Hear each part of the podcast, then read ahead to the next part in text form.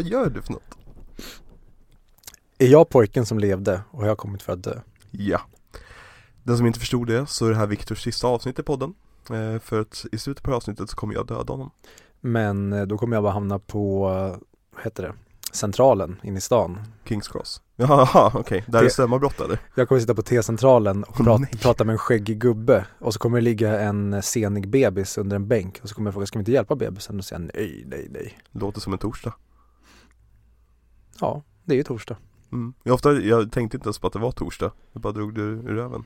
Du drog någonting ur din röv. Men du, En trollstav. eh, vi pratade ju om Kalles klätterträd. Ja. Eh, och den går ju, eh, I stan bor en kille och han heter Kalle och Kalle har ett träd. bam, bam. Eh, och där, han ligger i sitt träd Ja, och drömmer om Han ligger och fantiserar om allt möjligt och om Emma. Ja. Men Emma, hon finns ju bara i fantasin. Ja. Då undrar jag, vad gör Kalle där uppe i trädet när han är i fantasin? Viktor! Viktor! Inte igen! Ska jag bli orolig över att du liksom är väldigt så fascinerad över att barn, eller barns sexualitet överlag? Jag gillar ju barnsexualitet överlag. Ja men det är lite det som gör mig oroad. Nej, men ehm, Du är ju värre än 6 januari revolutionärerna. jag är värre än Fredrik Federleys eh, första och andra pojkvän. Jag tycker, jag, vi lämnar den här diskussionen. vi, vi lämnar den här diskussionen här tycker jag. Nu har vi kommit så långt in i podden, så nu eh, släppte i och för sig ut en del demoner de tidigare avsnitten också, men I andra avsnittet Viktor, jag var tvungen att censurera dig. eh, come at me, eh, Big Brother. Mhm.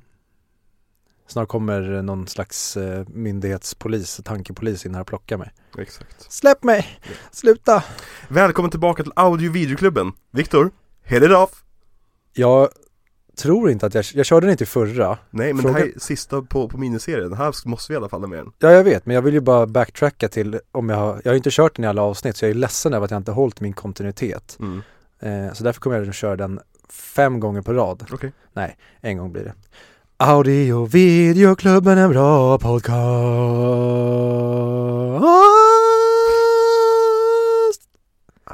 Mina öron blöder.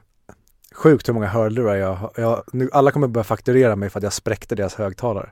Du är, eh, vad heter de? Urban Ears främsta företrädare. Ja. Ehm, ni skulle kunna kalla mig för spräktor. Åh, med ta- nej, nej. Kul eh, anekdot för övrigt, eller en kul detalj, det är Mm. att när jag pluggade på Stockholms filmskola Mhm. Då spelade vi in en eh, kortfilm. Eh, Ett projekt var att man skulle göra en adaptering av en del i Macbeth. Mhm. Och då gjorde vi en del där jag och en till kille spelade Stureplansstekare.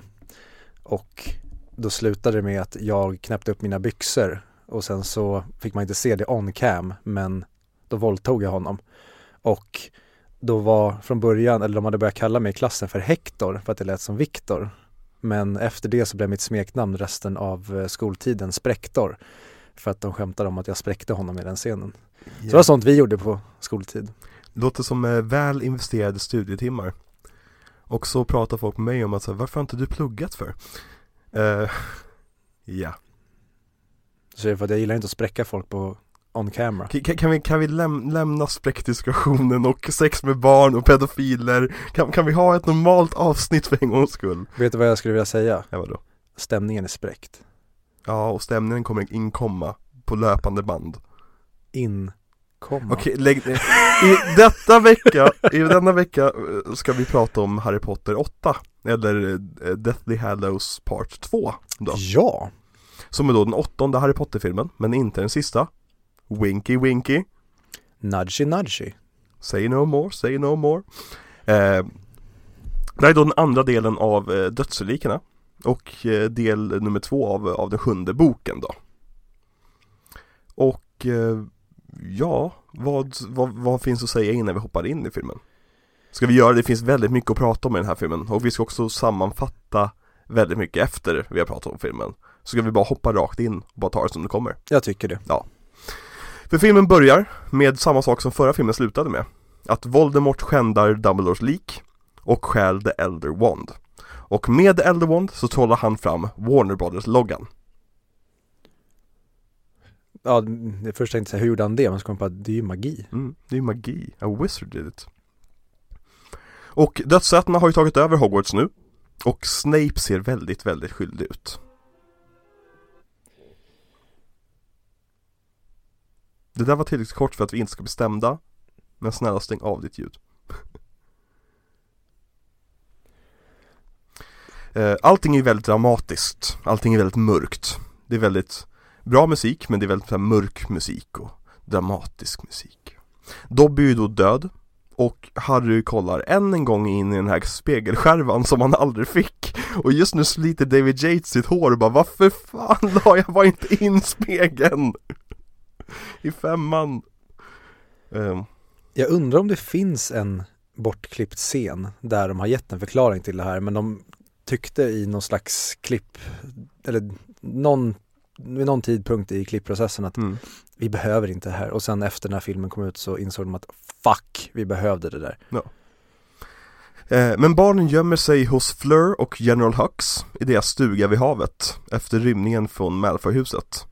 Och det visar sig att det här är ju då deras gamla fasters stuga.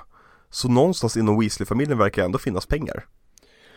Jag tror inte att de är fattiga, jag tror bara de vill signalera godhet och att vi behöver inte så mycket och så försöker de uppfostra sina barn genom att berätta att man behöver inte saker för att vara lyckliga. Så Ron, du får klara ett helt år med en trasig stav.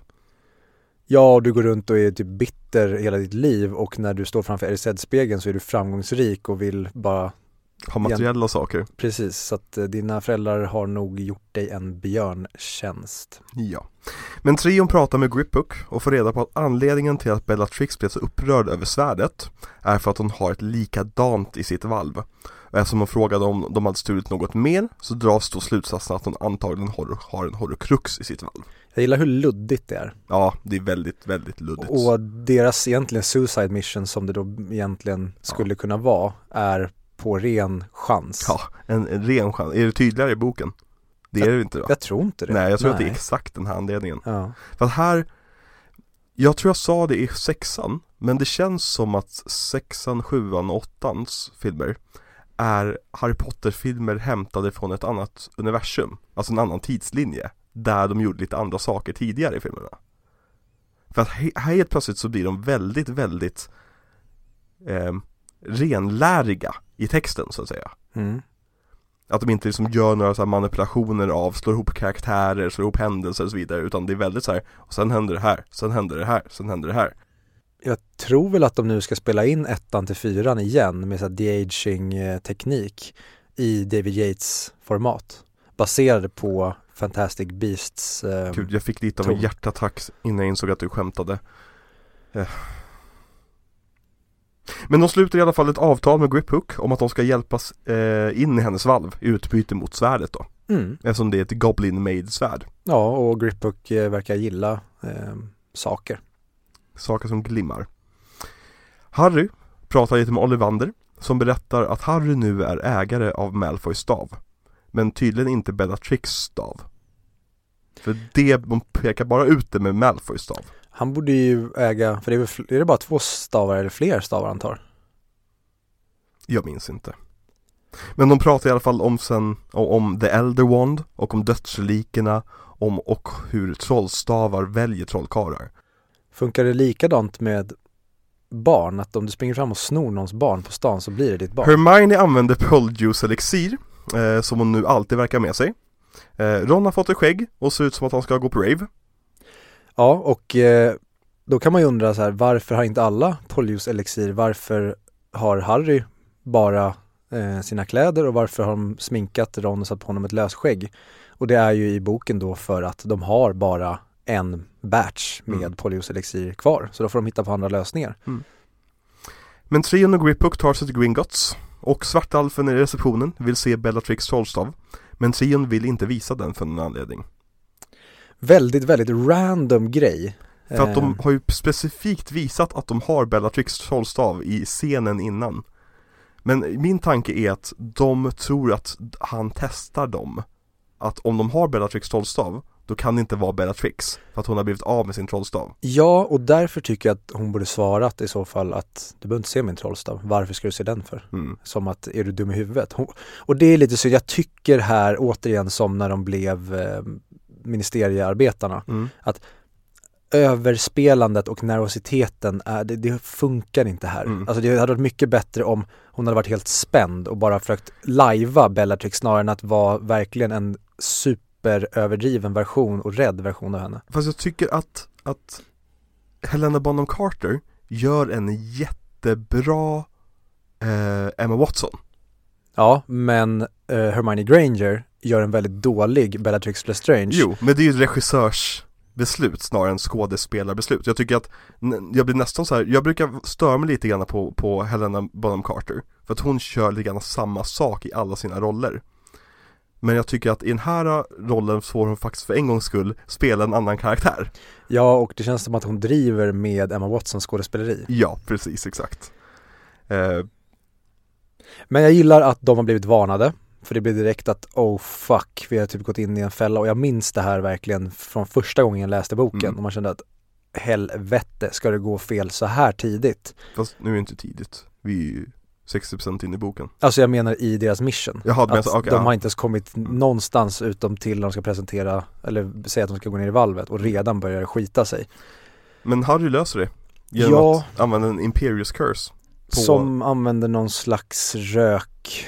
Så att eh, han liksom blir mm, och blir glad istället för att bara bli kontrollerad Ja, och varför ska vi hålla på med en massa jävla effekter här? För kan du inte bara göra att det i så fall bara blir någon slags distortion, att det kanske blir lite grumligt i bilden? Måste det vara som att han suger in en gas? Ja Och Gringotts När vi introduceras för det i första filmen Ska ju vara den säkraste platsen på jorden Ja. Efter äh, Hogwarts Just det. Nu vet vi hur säkert Hogwarts är efter de här filmerna Så det är inte så konstigt kanske att de kan ta sig in bara genom att använda en trollformel som alla trollkarlar känner till För vi säger, det är fler än Hagrid som säger att Gringotts ska vara den säkraste platsen. För annars, för jag vet att han berättar ju de delarna för Harry och kommer informationen från Hagrid, då kan man slänga ut informationen genom fönstret. Ja, om det inte handlar om hundar eller varelser eh, Men, men Fang försvinner från filmerna.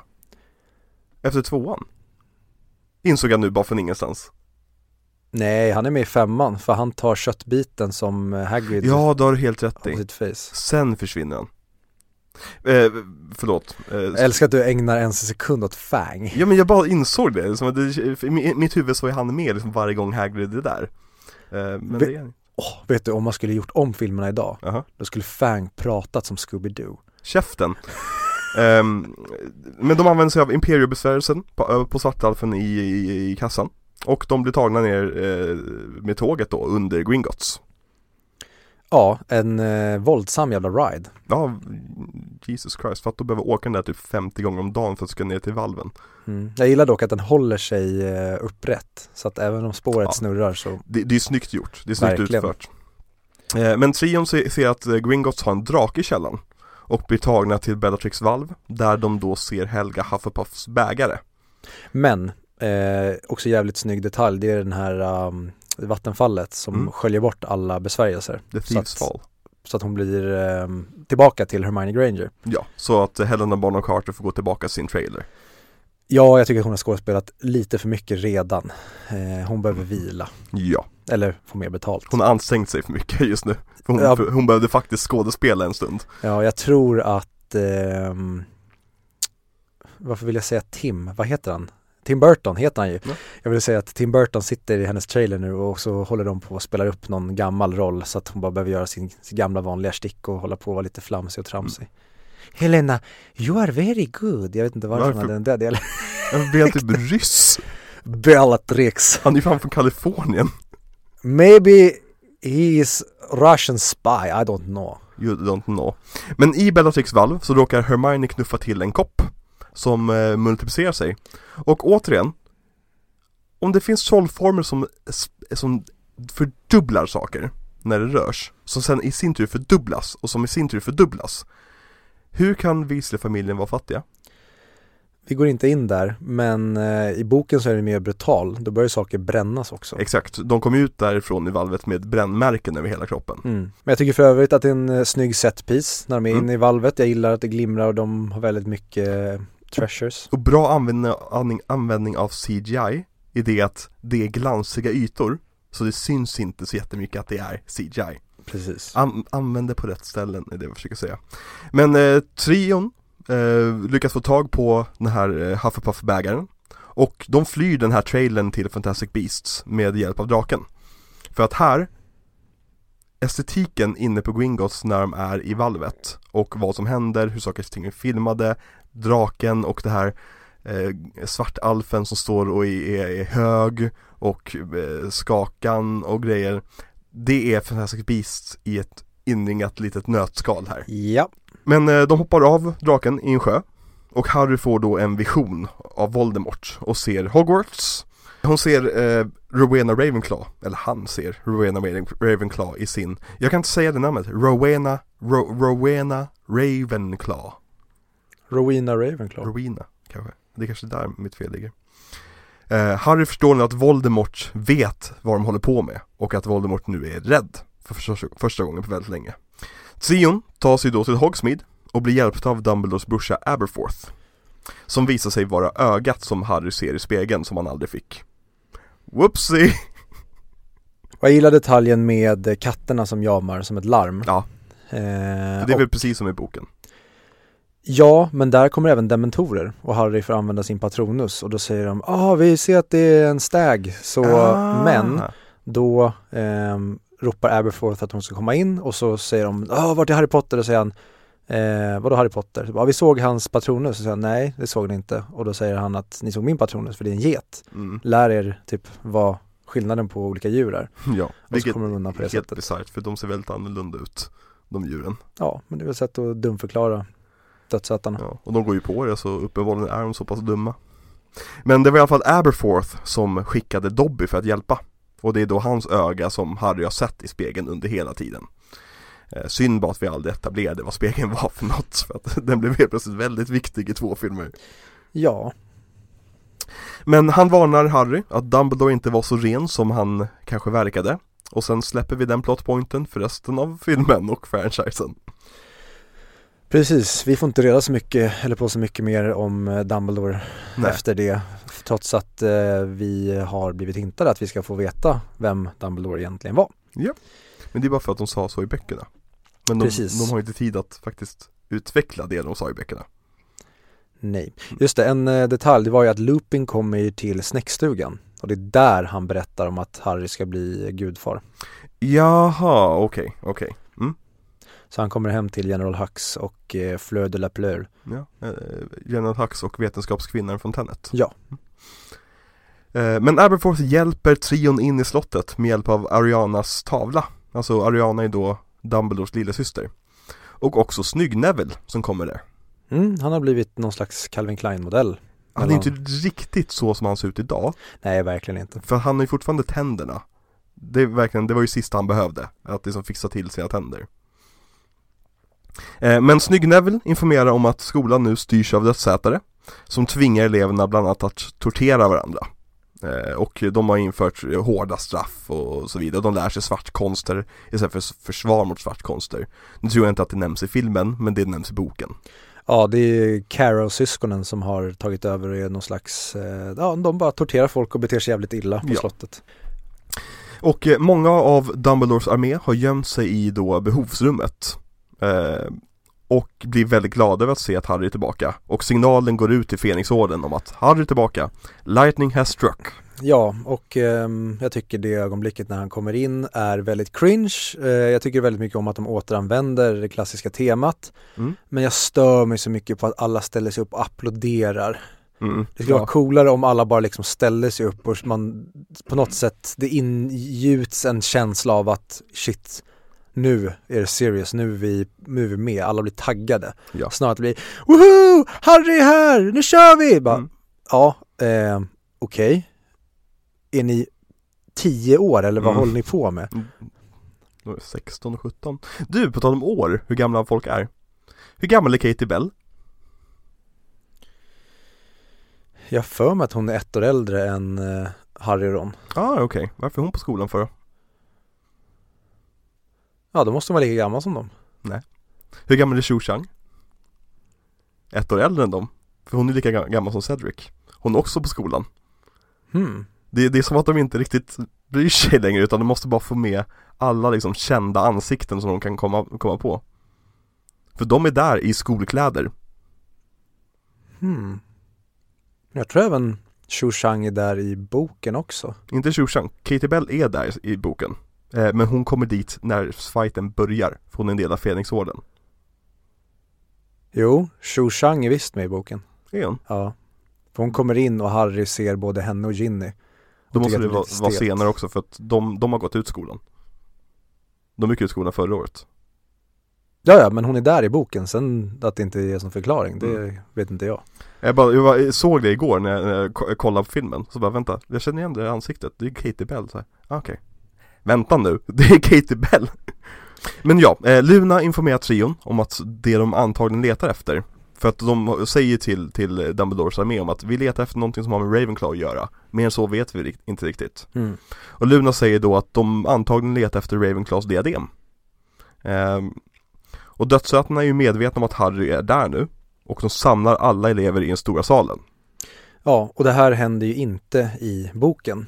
Utan då träffar ju, eh, eller ska Harry gå med Luna och börja leta efter diademet och då går de till eh, Ravenclaws eh, uppehållsrum eller vad det heter. Mhm. Och där väntar en av Carrow-syskonen på eh, dem. Mhm. Och då blir det en battle och sen så dyker eh, McGonagall upp och så avslöjar eh, Harry sig när en av Carrow-syskonen förnedrar McGonagall genom att spotta henne i ansiktet.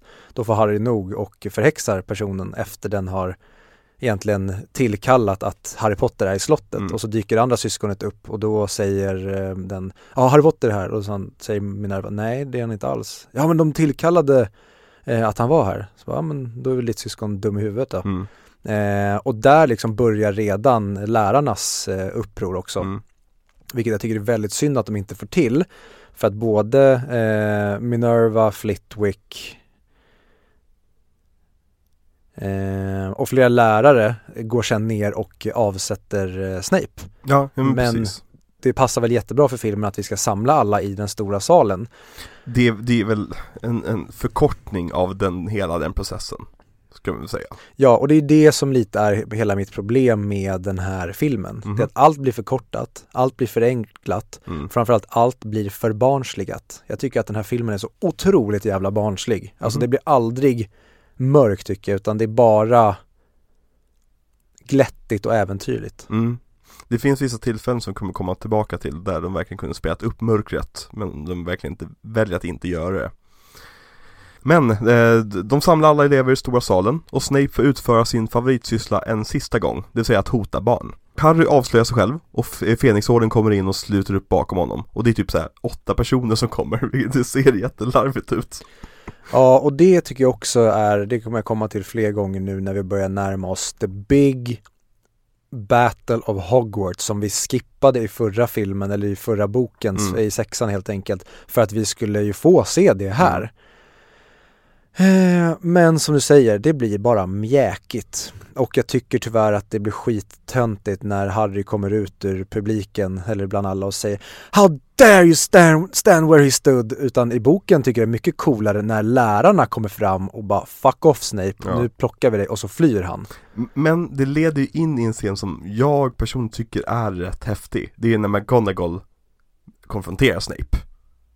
Ja, men jag tycker att det hade varit mycket coolare än att det blir Harry som bara Jag är på scen, hej hej. Och det hade, jag hade fått samma tillfredsställelse som jag får av den scenen Jag hade fått samma tillfredsställelse, om inte mer, av scenen där alla lärare gör det Precis. Men jag tycker det är ett bra McGonagall moment, att hon liksom bara Nej, nu, nu räcker det! Mm. Vad håller Nej, sluta liksom! Och liksom eh, besegra honom och Snape måste fly, helt enkelt Mm. Nej men det, jag, jag håller med om det, jag gillar verkligen, jag tycker McGonagall verkligen är en underanvänd karaktär. Eh, de ha- hade kunnat ge henne så mycket mer kött som finns i boken. Ja, och hon är med så mycket i första två filmerna Ja. är jättesynd. Men eh, Hon tänder de här facklorna som dödsätarna har hållit släckta på grund av oljepriset. Det måste ju vara därför. Eller någonting, för att eh, det kan inte vara det att det är, det är onda trollkarlar, så de gillar att ha det mörkt. För det är som så här, även, även Hitler hade lampor hemma. Ja, och det Jag förstår att det blir ett visuellt språk och det blir tydligt att nu tänder vi hoppet men Jag får liksom inget flow i det här, allting känns så himla stageat och det blir så töntigt när eh, Pansy Parkinson ropar liksom Han är ju där! Ta honom! Mm. Och Ginny går fram och ställer sig framför honom, alla ställer sig framför alltså, jag, jag, jag har inget problem med vad som sker Nej. det är utförandet. Ja. Det blir så jävla lökigt och barnsligt. Återigen, fine om de hade varit 12. Men nu är de 17, kanske, alltså flera av de här är till och med äldre. Mm. För, att, för att det som händer, det Victor refererar till, det är det att Voldemort invaderar alla barnens hjärnor och försöker skrämma dem från att slåss och ger alla delen att om ni ger mig Harry så får ni ha era liv kvar.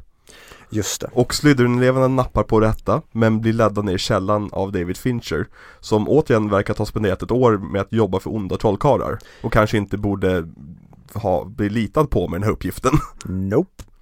Eh, men ja, vi kommer se David Fincher en sista gång i den här filmen. Eh, Vi, eh, vi kommer dit. Ja.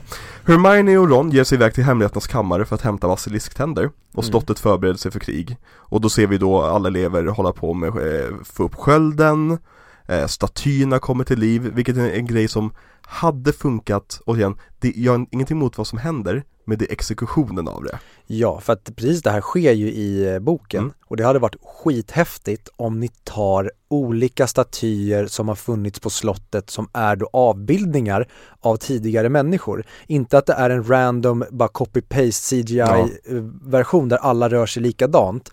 För det är det som är mitt största problem med den här filmen, det är att den känns så himla lat. Mm. Det känns som att vi tar det easy exit hela tiden. Mm. Ja men verkligen. Och det blir verkligen, alltså det här är ju den typ värsta disposable armin i alla filmer någonsin. De är gråa i mörker och de har ingen personlighet whatsoever. Nej, alltså och- Chitauri-armén i Avengers är ju liksom, där är de ju individer i jämförelse med det här. Ja, Ehm, ja, men Luna får i alla fall nog av att Harry bara springer runt och tror att han kan allting bäst och säger att nu lyssnar du på mig. You listen to me Harry Potter! du springer åt fel håll, hon är inte särskilt bra skådespelare överlag. Nej, hon har ju verkligen varit bra när hon har fått vara bara nedtonad Ja. och flummig, men nu när hon ska ta i, Mm. då är det så här, ah. Men eh, Luna tipsar Harry om att han måste prata med Grå Damen, som definitivt är en karaktär som vi vet finns och som har definitivt varit med tidigare i filmerna. Just det, det är bara att jag har glömt dem igen för att min minne är dåligt. Exakt, exakt. För det är, ja. Eh, och det är ju då Rowena, Rowena Ravenclaws dotter. Ja, och de har ju även designat om eh, trapporna. Ja, det har de. Så att nu är det trappor som eh, går, eh, de går inte att flytta på längre. Nej, det är ju Trelawney-trapporna, typ. Ja, jag, jag har i alla fall tappat min eh, geografi, Geografi. över det här slottet för länge sedan men jag stör mig bara på att det här är en plats som vi typ aldrig har varit eh, på tidigare. Varför kan vi inte då vara i miljöer som vi verkligen känner till och att de ser ut som vi känner till och gärna då som de gör med musiken till exempel när Harry kommer in i slottet. Ge oss en wink till de tidiga filmerna. Ja, Och här så, du har ju sagt läst böckerna. Jag minns att vi pratade om det här i andra film, i andra avsnittet. Vad är Moaning Myrtles del här? För att hon är väl, hon tipsar väl Harry, det är väl hon som tipsar Harry om det här? Eller? Tänker jag fel? Eh, gud, det kan vara så att han träffar Morning Myrtle och hon letar upp eh, vart Rowena Ravenclaws dotter finns. Ja precis, för spökena känner varandra liksom. Ja, men jag kan också minnas fel. Ehm, faktiskt. Hur som helst, eh, Potternördar, skriv in till oss på audiovideoklubben at gmail.com Ja.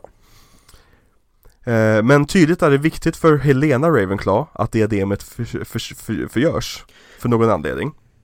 Eh, jag vet inte varför, jag misstänker att det är på grund av att hon vill att det ska förgöras för att Voldemort har korrumperat det. Men det är väldigt otydligt varför hon är, hon är så Att hon liksom är som så här, när Harry säger Du vill att det ska förgöras, eller hur? Och då så här stannar hon upp så här, Han förstår liksom. Ja, och kul casting här för övrigt. Helt, Eh. jag glömmer alltid bort att det är hon. Ja, jag blev jättechockad men nu kommer jag inte ihåg vad hon heter. Det är ju hon från eh, Trainspotting och eh, Boardwalk Empire. Jajamän, Yes. Eh, McDonald någonting. precis. Hon är väldigt irländsk. väldigt irländsk. Ja. Eh, men hon berättar i alla fall för Harry vart det här diademet finns. I behovsrummet. Och eh, Fenixorden förbereder sig för fight. Det är väldigt dramatiskt. Kingsley och Lupin pratar om att förbereda sig för fight. Fred och George får ett sista ögonblick tillsammans. Mm. Vilket är väldigt viktigt tycker jag. Om ändå. Eftersom jag följt dem så mycket. Ja, men återigen här, utförandet. Jag Mm. känner ingenting. Nej. Det är bara, de, de får en scen och sen, det känns som att de bara har väldigt bråttom här. Mm. De har väldigt bråttom. Eh, Jag ska säga till er lyssnare som jag sa till Viktor tidigare. De här anteckningarna jag skriver inför varje avsnitt, där jag sammanfattar plotten. Jag brukar vara väldigt liksom ogenerös, jag brukar ta bort saker som jag inte känner är viktiga alls Eller saker som, där vi bara ser lite, lite som Lattjo Lajban och så vidare. Och jag brukar landa på ungefär 4000 tecken per anteckningsark då så att säga. Den här filmen blev 8000 tecken och det är den kortaste filmen. Så det händer saker med en fullt ös medvetslös takt kan man säga. Och det, vi kommer komma, när vi pratar om hela filmen i helhet kommer jag prata lite grann mer om vad jag tyckte om det. Men Ron och Hermione tar sig in i hemligheternas kammare genom att Ron imiterar Harrys ormviskning För att Harry pratar i sömnen. Just det, eh, och här egentligen, alltså för det första så är inte det här med i boken utan de går ner i hemligheternas kammare eh, och sen kommer tillbaka. Ja. Vi får inte se det hända, så, utan det här är bara draget ur sin hatt. mm. För det första så är CGI, eller greenscreenen där bedrövlig. Mhm. Eh, men som du säger, för att du hör någon säga parcel tongue någon gång betyder inte att du kan prata parcel tongue. Så här, That's not how the force works. alltså du borde inte kunna imitera det. Nej, Det är någonting som du, du pratar på riktigt, men i och med att det är magi Fast- så ändras ditt språk för att du pratar till en orm. mm. och det här händer ju i böckerna också Fast kanske inte just av att han sovit i sömnen utan för att han har hört det Har för mig att det bara är Ja, jag har för mig att han nämner det. Ja Men Hermione och Ron för, förgör bägaren i alla fall med hjälp av en basilisktant Och eh, sen får de dela sin första kyss Fast vänta, jag tror inte att det nämns i böckerna utan jag tror bara att de går ner dit för att den borde ju inte vara stängd. Det finns ju ingenting där nere längre.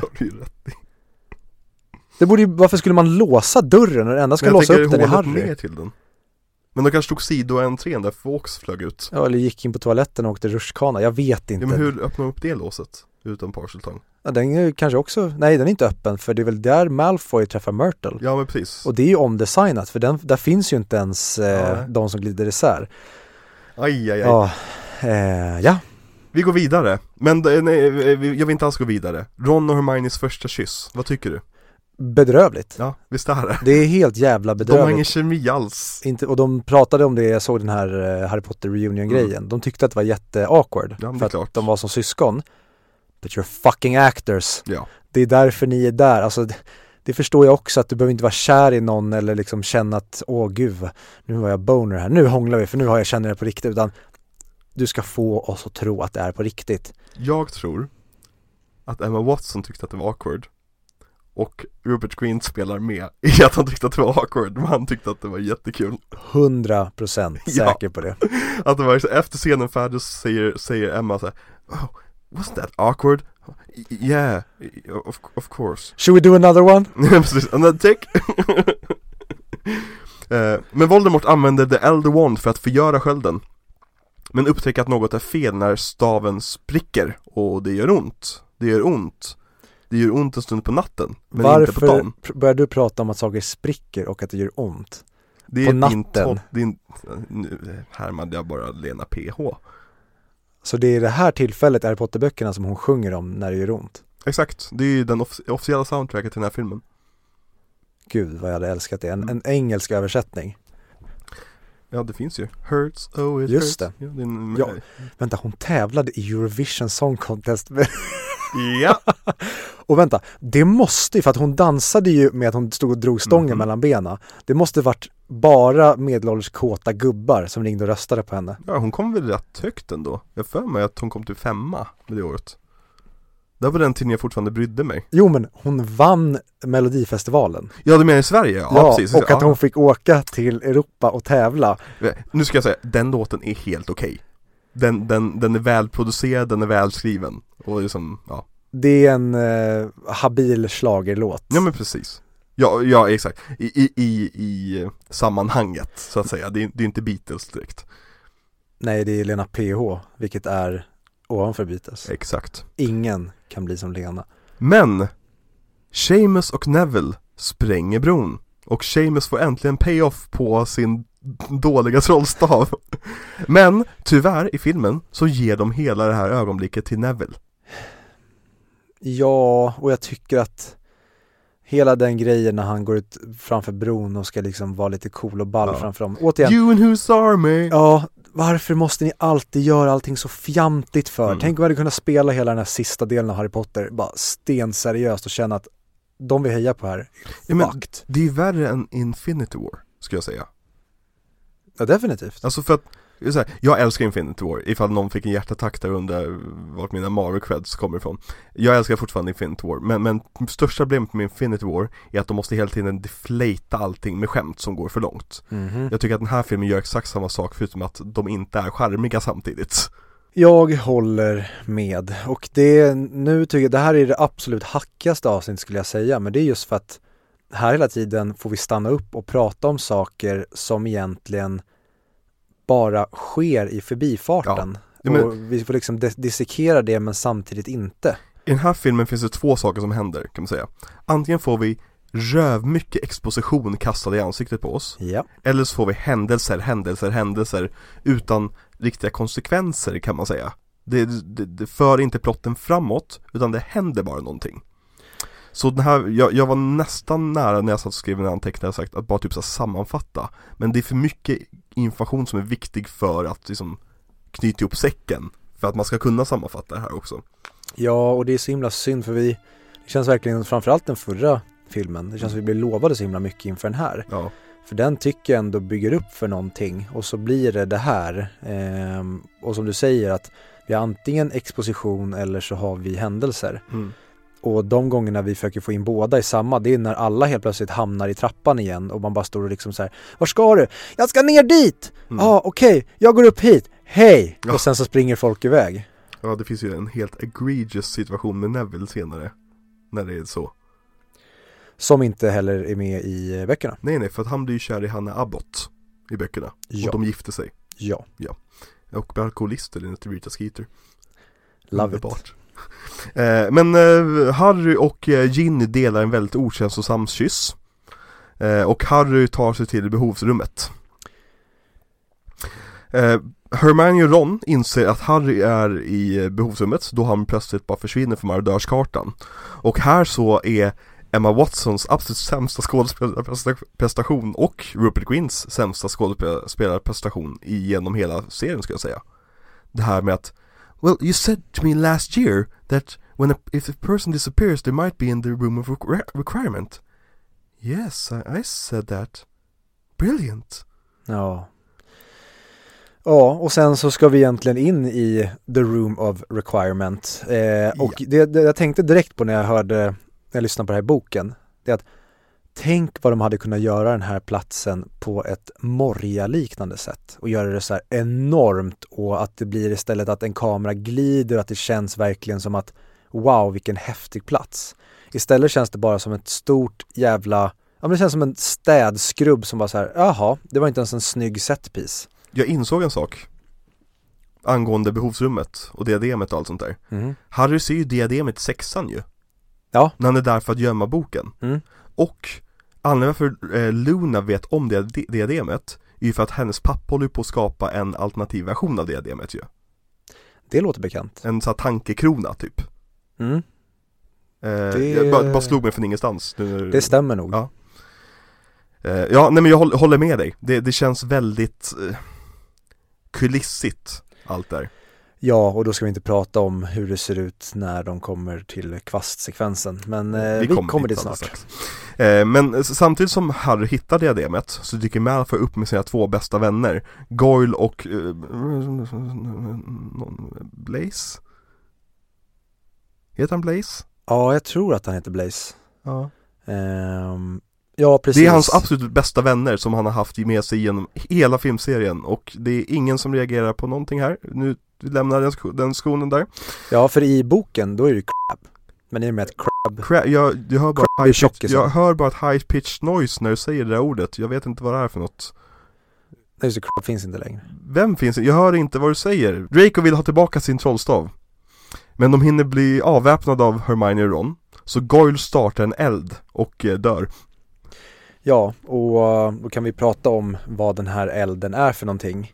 För att i boken förklaras det ju att det här är en speciell typ av eld. Ja, vad heter den? Fiendfire? Eh, ja, Något sånt. Fire med Y. Och den är så pass speciell att den till och med kan ha ihjäl Horcruxer. du har helt rätt. Eh, Jag har bara skrivit upp den engelska i och med att jag inte har lyssnat på något Ja. annat språk än engelska. Så Fiendfire heter det, precis. Och Ofta jag drog det ur röven av alla saker. Ja, faktiskt. Ja.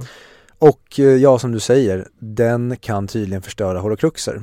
Så att eh, när han tappar kontrollen över den här elden som i filmen bara är helt plötsligt att eh, hans eh, Clas Ohlson trollstav han har köpt, den fungerar inte som den ska. Den slutar den, inte spruta. Nej. Den påminner mig om fredags.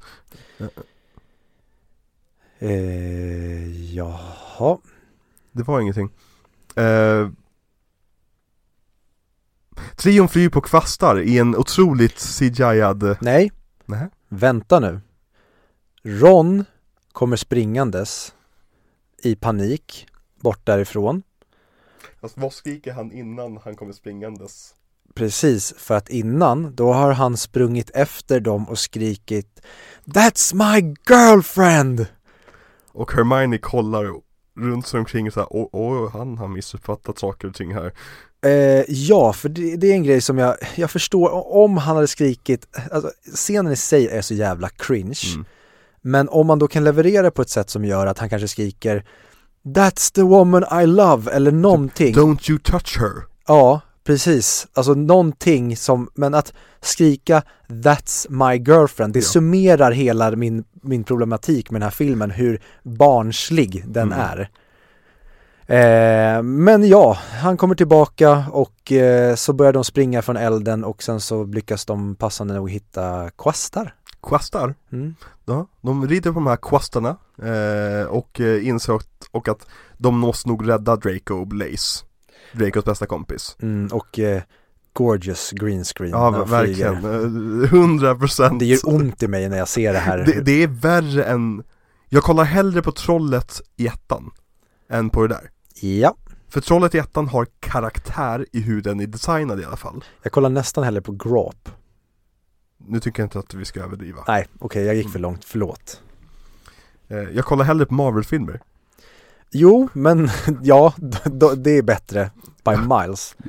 Eh, nej men, ja de flyr på de här kvastarna och räddar Draco och Blaze på vägen ut. Och de förstör sedan Horcruxen och Harry, Harry får då en sista vision om Nagini. Och inser att hon är den sista Horcruxen. Han ser också att Voldemort är tillsammans med Lucius i båthuset och de beger sig då dit för att döda Nagini. Ja, och här går det då till på ett sätt som eh, när diademet förstörs så förstör ju Harry det. I boken så förstör han ju inte det. Det är Goyle som förstör det. Precis. Vilket är Exakt. kul. Ja. Så, ehm, men det är kul för filmen att få göra Harry till lite mer hjälte. Ja, få hjältemoments för Harry tycker jag. För i filmen hade det varit så extremt jävla random, ingen hade fattat någonting. Nej. Om Go- Go- Goyles trollstav börjar spåra ur och sen helt plötsligt så slänger de in diademet i Room of Requirement, stänger dörren. Så bara, det var det. Japp. Ja, det, det ligger kvar där inne eller? Precis, för, för att i en bok kan man ju beskriva lite grann att Fiendfire är det här och det händer så här och det Ja. gör det där och så vidare. Men de ger sig ner till båthuset och på vägen dit slåss de mot jättar, mot spindlar. Varför nu spindlarna är där? Eh, dem- Det är de faktiskt i boken. är de? Ja, att de slåss för eh, Voldemort. Jaha. Och det är väl, eh, där kanske jag tänker att J.K. Rowling är så här att oh, det här kommer vara coolt sen när vi bara slänger in massa häftiga beasts i ett stort slag, typ som i Eller något, jag vet inte. Du nämnde inte den där filmen precis som mig. Nej, vi blipar det. Ja.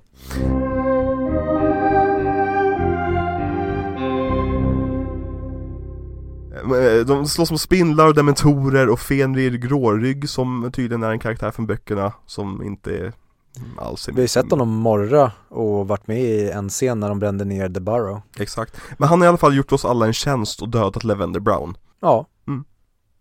Det tackar vi alla honom för. Så Ja. nu hejar jag på Voldemorts sida. Ja, eh, tyvärr så dödar Hermione honom genom att slänga ut honom för ett stup.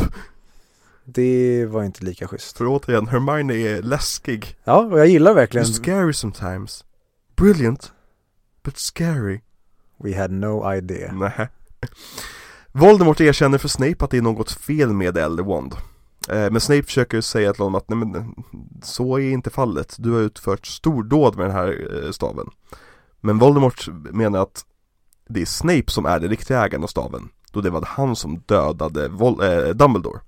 Men han har ju också förnedrat Lucius Ja det gör han ju innan. och verkligen pissar på honom. Ja. How då- can you live with yourself?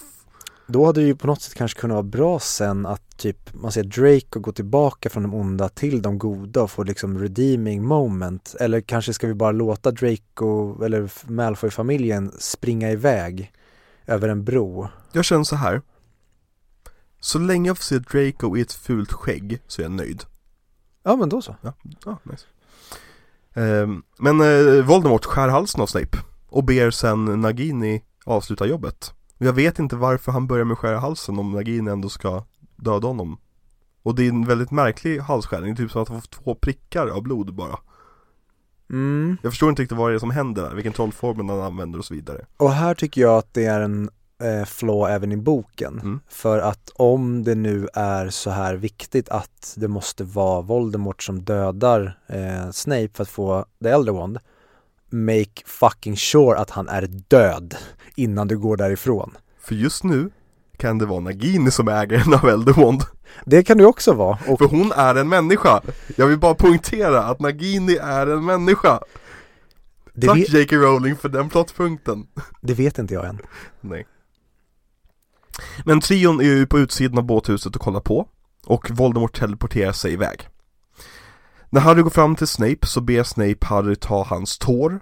Och då menar jag inte på fötterna utan det som rinner för kinden. Gud vad jag hade älskat att se det istället. Att Harry tar en typ bultsax eller någonting och bara klipper av hans tå. Som är Lägg- silvriga. Lägger i minneshållet och bara Jaha, vad- nu då? Ehm, Men Harry inser då att det är ett minne som rinner ner för kinden. Luddigt som fan. Alltså nu förklarar de ju det för att vi går till eh, minneshållet. Ja. Men det är väldigt luddigt i filmen. Ja. Eh, och Snape dör efter det här. Men han säger till Harry att du har din mammas ögon. Din mammas gröna ögon. ja, jag, jag vet att jag har tagit upp det här i varenda jävla avsnitt men jag tycker att det är verkligen Det är väldigt kul. Det hade varit väldigt kul om Harry Potter var vindögd.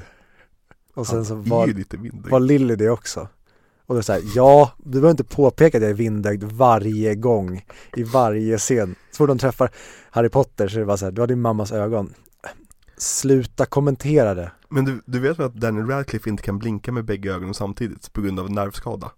Det är sant. Det är därför han blinkar så konstigt med bara ett öga ibland. Jaha, det har jag aldrig tänkt på. Mm. Nu kommer jag aldrig kunna sluta tänka på det. Voldemort drar tillbaka sin armé och säger till Harry att han måste komma till honom, annars kommer Voldemort döda alla. Till skillnad från Voldemorts plan för en stund sedan där han tänkte döda alla. Ja, för nu menar han det ju verkligen. Ja, mm, okej. Men Sion går tillbaka till slottet och där upptäcker de att Fred är död och att Lupin är död och att Tonks är död. Ja, de ja. Exakt. Skulle vi bry oss? Det är väl det vi ska göra, för att vi känner ju de här karaktärerna genom böckerna. Och nu får vi se dem på film, Mm. fast vi har inte fått se dem riktigt på film. Nej, Fred och George försvann ju någonstans vid femman. Ja, för de blev kapitalister. Ja, precis. Och då är det inte lika kul att följa dem kanske. Det som händer sen är att Harry kollar in i Snapes minne. Och ser att Snape älskade hans mamma. Och att han skämdes så mycket efter hennes död att han lovade sin lojalitet till Dumbledore. Och att skydda Harry. Och att bekämpa Voldemort. Ja, för de, det får vi inte reda på i filmen, men i boken, då får vi reda på att det var ju faktiskt Snape som berättade om profetian till Voldemort. Så det är han som har sett till att Lily och James är döda. Det visste jag inte. Men när du säger så makes perfectly sense. Ja, och då säger det För de pratar ju om profetian också. Ja, och det gillar jag verkligen med eh, när man får se Dumbledore och Snape tillsammans. Mm. För då säger verkligen Dumbledore, alltså han sällan pratar illa om någonting. Ja, Men då säger han, jag, jag tror inte han använder just det ordet, men han säger att du äcklar mig. ja. Jo men det, det är ju så, även i filmen, den scenen med de två. Första gången får vi se Dumbledore hur han var mot Snape när Snape fortfarande var dum inom citationstecken. Att liksom så här, han är inte snäll mot Snape i de här scenerna. Utan han, han säger Snape att du är mitt verktyg nu, på grund av det här. Mm. Eh, men eh, Dumbledore hade även bett Snape om att döda honom på grund av att Dumbledore redan var döende av ringens förbannelse Vilket eh, låter som något från en annan franchise. Men också för att rädda Malfoys samvete Fucka med, fucka med stavreglerna Och även för att få Voldemorts förtroende. Så det finns liksom multipurpose till att bli dödad här. Ja, och det är en sån jävla risk. Alltså den planen är så farfetched att det fan inte finns. Dumbledore Men i bokform så funkar det så jäkla bra Mm. när alltså mycket av Harry Potter-böckerna ändå är Deus ex machina att saker sker på grund av det och sen hoppar det där in och det skedde på grund av det. Men i film så blir det så himla märkligt. Ja. Och sista som händer i minnet är då att Snape visar sin patronus för Dumbledore som är en dovhjort på grund av saker som förklaras i boken. Eh, och att det var han som gav Harry svärdet i sjön. Men jag vill ju se hur han gav svärdet i sjön. Synd. Harry får också reda på att han är en horocrux och att han måste dö för att besegra Voldemort. Just det. Och beger sig då till Voldemort för Voldemort har gett honom erbjudande att komma till honom för att dö. Vilket passar väldigt bra ihop med vad han behöver göra nu. Han säger till Hermione och Ron vad han ska göra och att de måste döda Nagini. Och de säger hej då för sista gången till, till sin bästa vän. Hermione kramar honom och Ron kramar honom. Vä- vänta, nej. Ron står bara där på sidan och kollar på. Mm, det är nog en av de grejerna som gör mig mest förbannad. Nu har jag sagt att väldigt många saker gör mig mest förbannad, men en av de sakerna som gör mig mest arg, inte som Mm. jag tycker är sämst, men det är just att Harry och Ron känns aldrig, framförallt i de senare filmerna, de känns aldrig som att de tycker om varandra. Nej. Och Det enda de gör är att bråka. ja, och att Ron ska ju liksom vara Harrys verkligen backup hela tiden, Mm. hans true friend. Men det blir som att det blir Harry och Hermione Mm. som är true friends och Ron är bara Hermiones ligg som råkade träffa Harry på tåget. Ja men och det är så här, man kan prata väldigt mycket om så här, jo men de är 17-åriga pojkar, de vet inte hur man ska uttrycka känslorna till varandra så här. Jo, men Ron, här ska Harry gå iväg och dö. Det här är sista gången du kommer träffa din bästa vän. Ha lite känsla Rupert Grint. Eller eh, David Yates är väl i det här fallet, eller han som skrev manuset, vad nu hette. Ja, och om de nu tycker att det är muppigt att krama varandra, varför kan de inte typ sätta pannorna mot varandra och bara typ så här inte säga någonting? Eller bara en blick med varandra som liksom säger mer än så här, ja ah, det var trist. Det är hur många sätt som helst att lösa det Ja. på ett annat sätt än att eh, ha det bra, jag kommer hörs. ligga sen. Varför är du inne på att ligga med barn igen? Eller inte med barn, alltså De är ju barn, de är ju 17. Eh, vi, vi går härifrån Ryggsäcken var en fallskärm, nej tvärtom Men Harry går ut i skogen och stoppar kvicken i munnen Och det är ingen metafor för någonting Eh, Det stod ju I open at the end på den Close. I open at the close Mm. Jaha Men i, på svenska i boken har de översatt det till jag öppnas i slutet. Okej, vilket, det är kanske därför jag tänker vilket är mycket ehm, tydligare Ja, men jag vet samtidigt inte Det kanske är jättetydligt på brittisk engelska också men eh, och att hon bara ska ha det lite snyggare Ja. än att I open at the end Men eh, ja, open för nu, är ju liksom motsatser Så nu det- va? För nu kommer ju The Deathly Hallows tillbaka Som vi eh, har haft så mycket fokus på eller Filmen heter Deathly Hallows Part 2 Just det, det är två filmer med den titeln Det är väldigt viktigt att du tänker på Deathly Hallows just nu tycker jag Just det Mm. Eh, men ja, han får då The Resurrection Stone som är viktig för plotten och filmen. Hur? Är det för att han, jag förstår ju eh, vad det är de försöker göra i filmen här och det är ju att Harry frivilligt ska ha modet till att våga dö. För det som sker i boken, det är att när Harry offrar sig frivilligt, då gör han någon slags be- besvärjelse på alla på skolan som Lily gjorde på honom. Mm. Han blir som beskyddet, alltså han blir verkligen hjälten. Kärleksmagin helt enkelt. Ja, Mm. men eh, det får vi inte reda på här utan nu är det bara eh, jag vill prata med dem jag tycker om och så får du göra det och så säger de att vi är med dig och så går han. Ja, ja han, han, det är som hans mamma, hans pappa, Lupin och Sirius De dyker alla upp för att, för att peppa på honom att dö. Ja, Kom igen, det är härligt. Känns ingenting alls. Så här, Sirius, du vet inte vilken trollformel Voldemort kommer använda mot honom. Du kan anta att det är Avada Kedavra Men det kan också vara Show i fem timmar först. Ja eller som vi kommer få se så kommer ju Hagrid vara där. Ja. Och då kanske Voldemort känner att, Nej! att Harry, Hagrid möter kanske sedan, Harry, Harry möter sedan Voldemort Som har Hagrid tillfångatagen i kedjor Prata inte du Voldemort dödar Harry Tack, vi kommer igenom Eh, och eh, hur känns det här? Hur, hur mycket bygger vi upp för att det är nu? Det vi har gått snart åtta filmer och väntat på att det är nu tillfället Voldemort ska döda Harry Potter som han har misslyckats med gång på gång. Jag känner lite som Voldemort I den här sekvensen Att så här, det här känns inte rätt. Ja, För Harry vaknar upp i ett väldigt, väldigt, väldigt rent Kings Cross. Mm. Väldigt vitt ställe där. Ser ut som en, nej jag tänker inte dra ett skämt. Ehm, Där han då möts av Dumbledore Som berättar för honom att Harry var Den horcruxen som Voldemort aldrig ansåg eh, Eller avsåg att skapa Mm. Och att den biten nu är förgjord med hjälp av Avada Kedavra Förtrollelsen då Mm. Men jag tror inte att det här förklaras i filmen men i boken förklaras det ju att när Voldemort tog Harrys blod mm. då har ju han skapat, eh, då är Voldemort Harrys horocrux. Så det är därför Harry inte dör nu. Mm. För att så länge Voldemort finns, då dör inte Harry. Så det har blivit som en slags godhetshorocrux.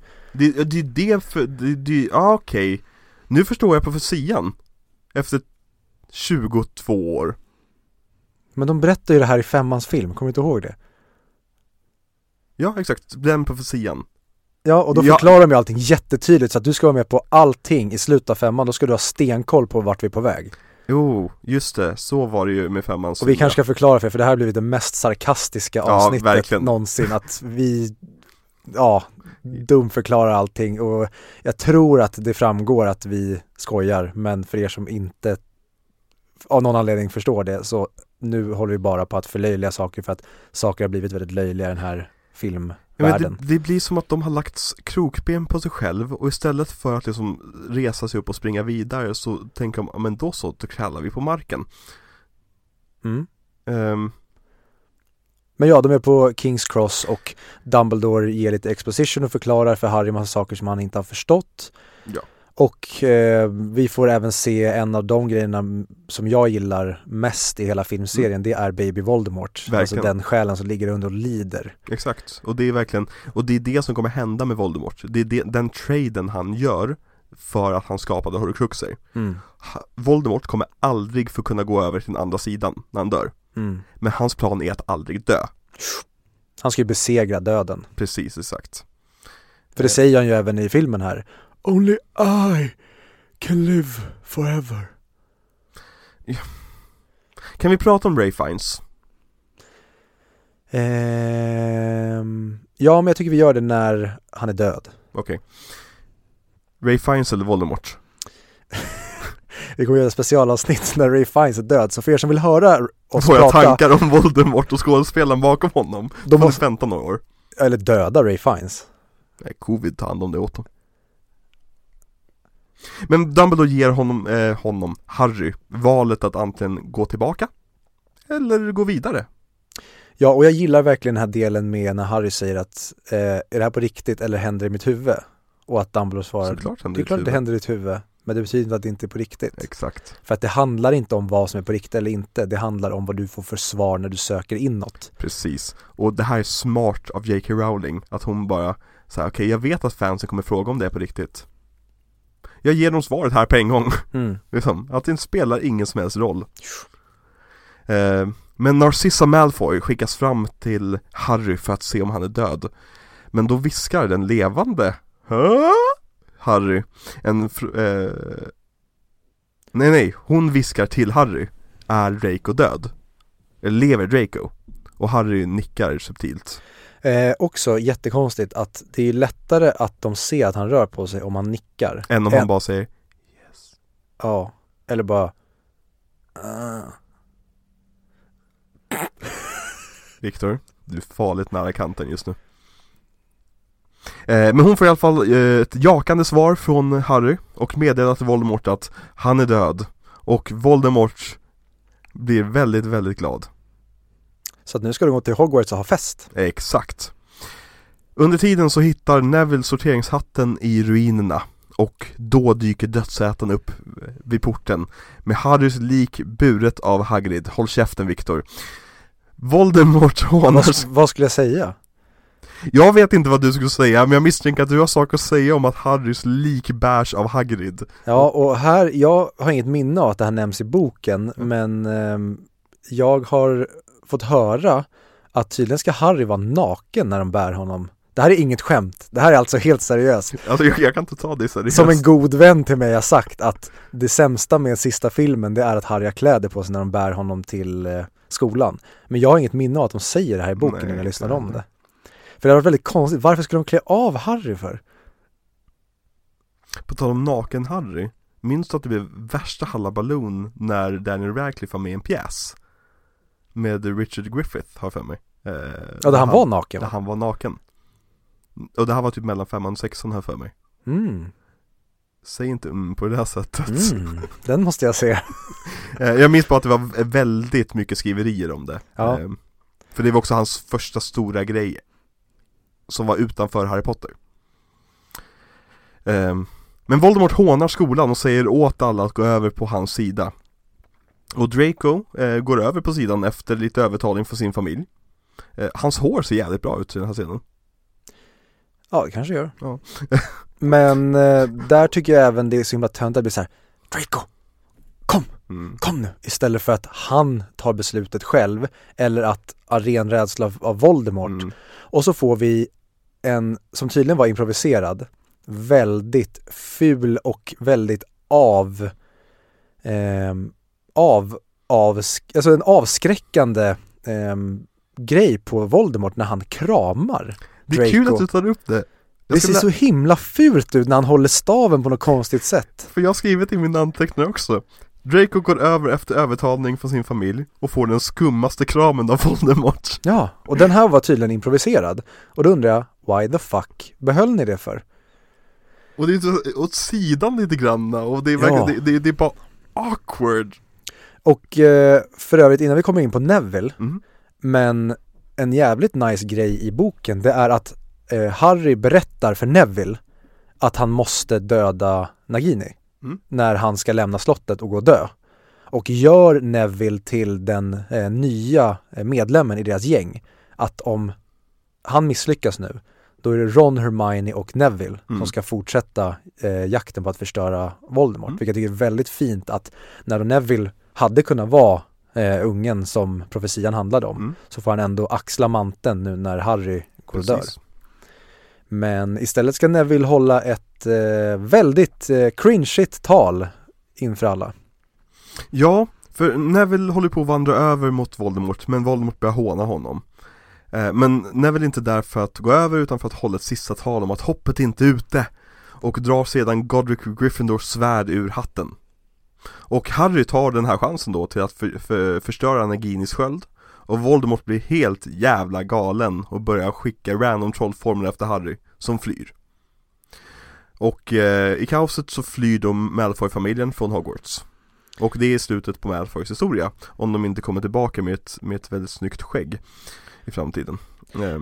Ja, för det avslutet vi får på Malfoys här, det är ju att de är dödsätare som bara flyr för att de är rädda. De, Mm. de får ju aldrig någon redemption, de visar sig aldrig goda. Jag tycker inte att de förtjänar redemption Malfoy, alltså eh, Draco Men hur kan han då vara på plattform 93 quarters 19 år senare? Jo men det är det jag menar De, Ja. de, han ska ju sitta i fängelse. Det är som att han dyker upp där och så bara Arrest that guy! Mm. Men det är det att det är en bortklippt scen här. Där Draco går tillbaka. Ah. Och Ja, det, det hade gett, i alla fall hans föräldrar kanske förlorade för de har ändå sålt sin Mm. själ.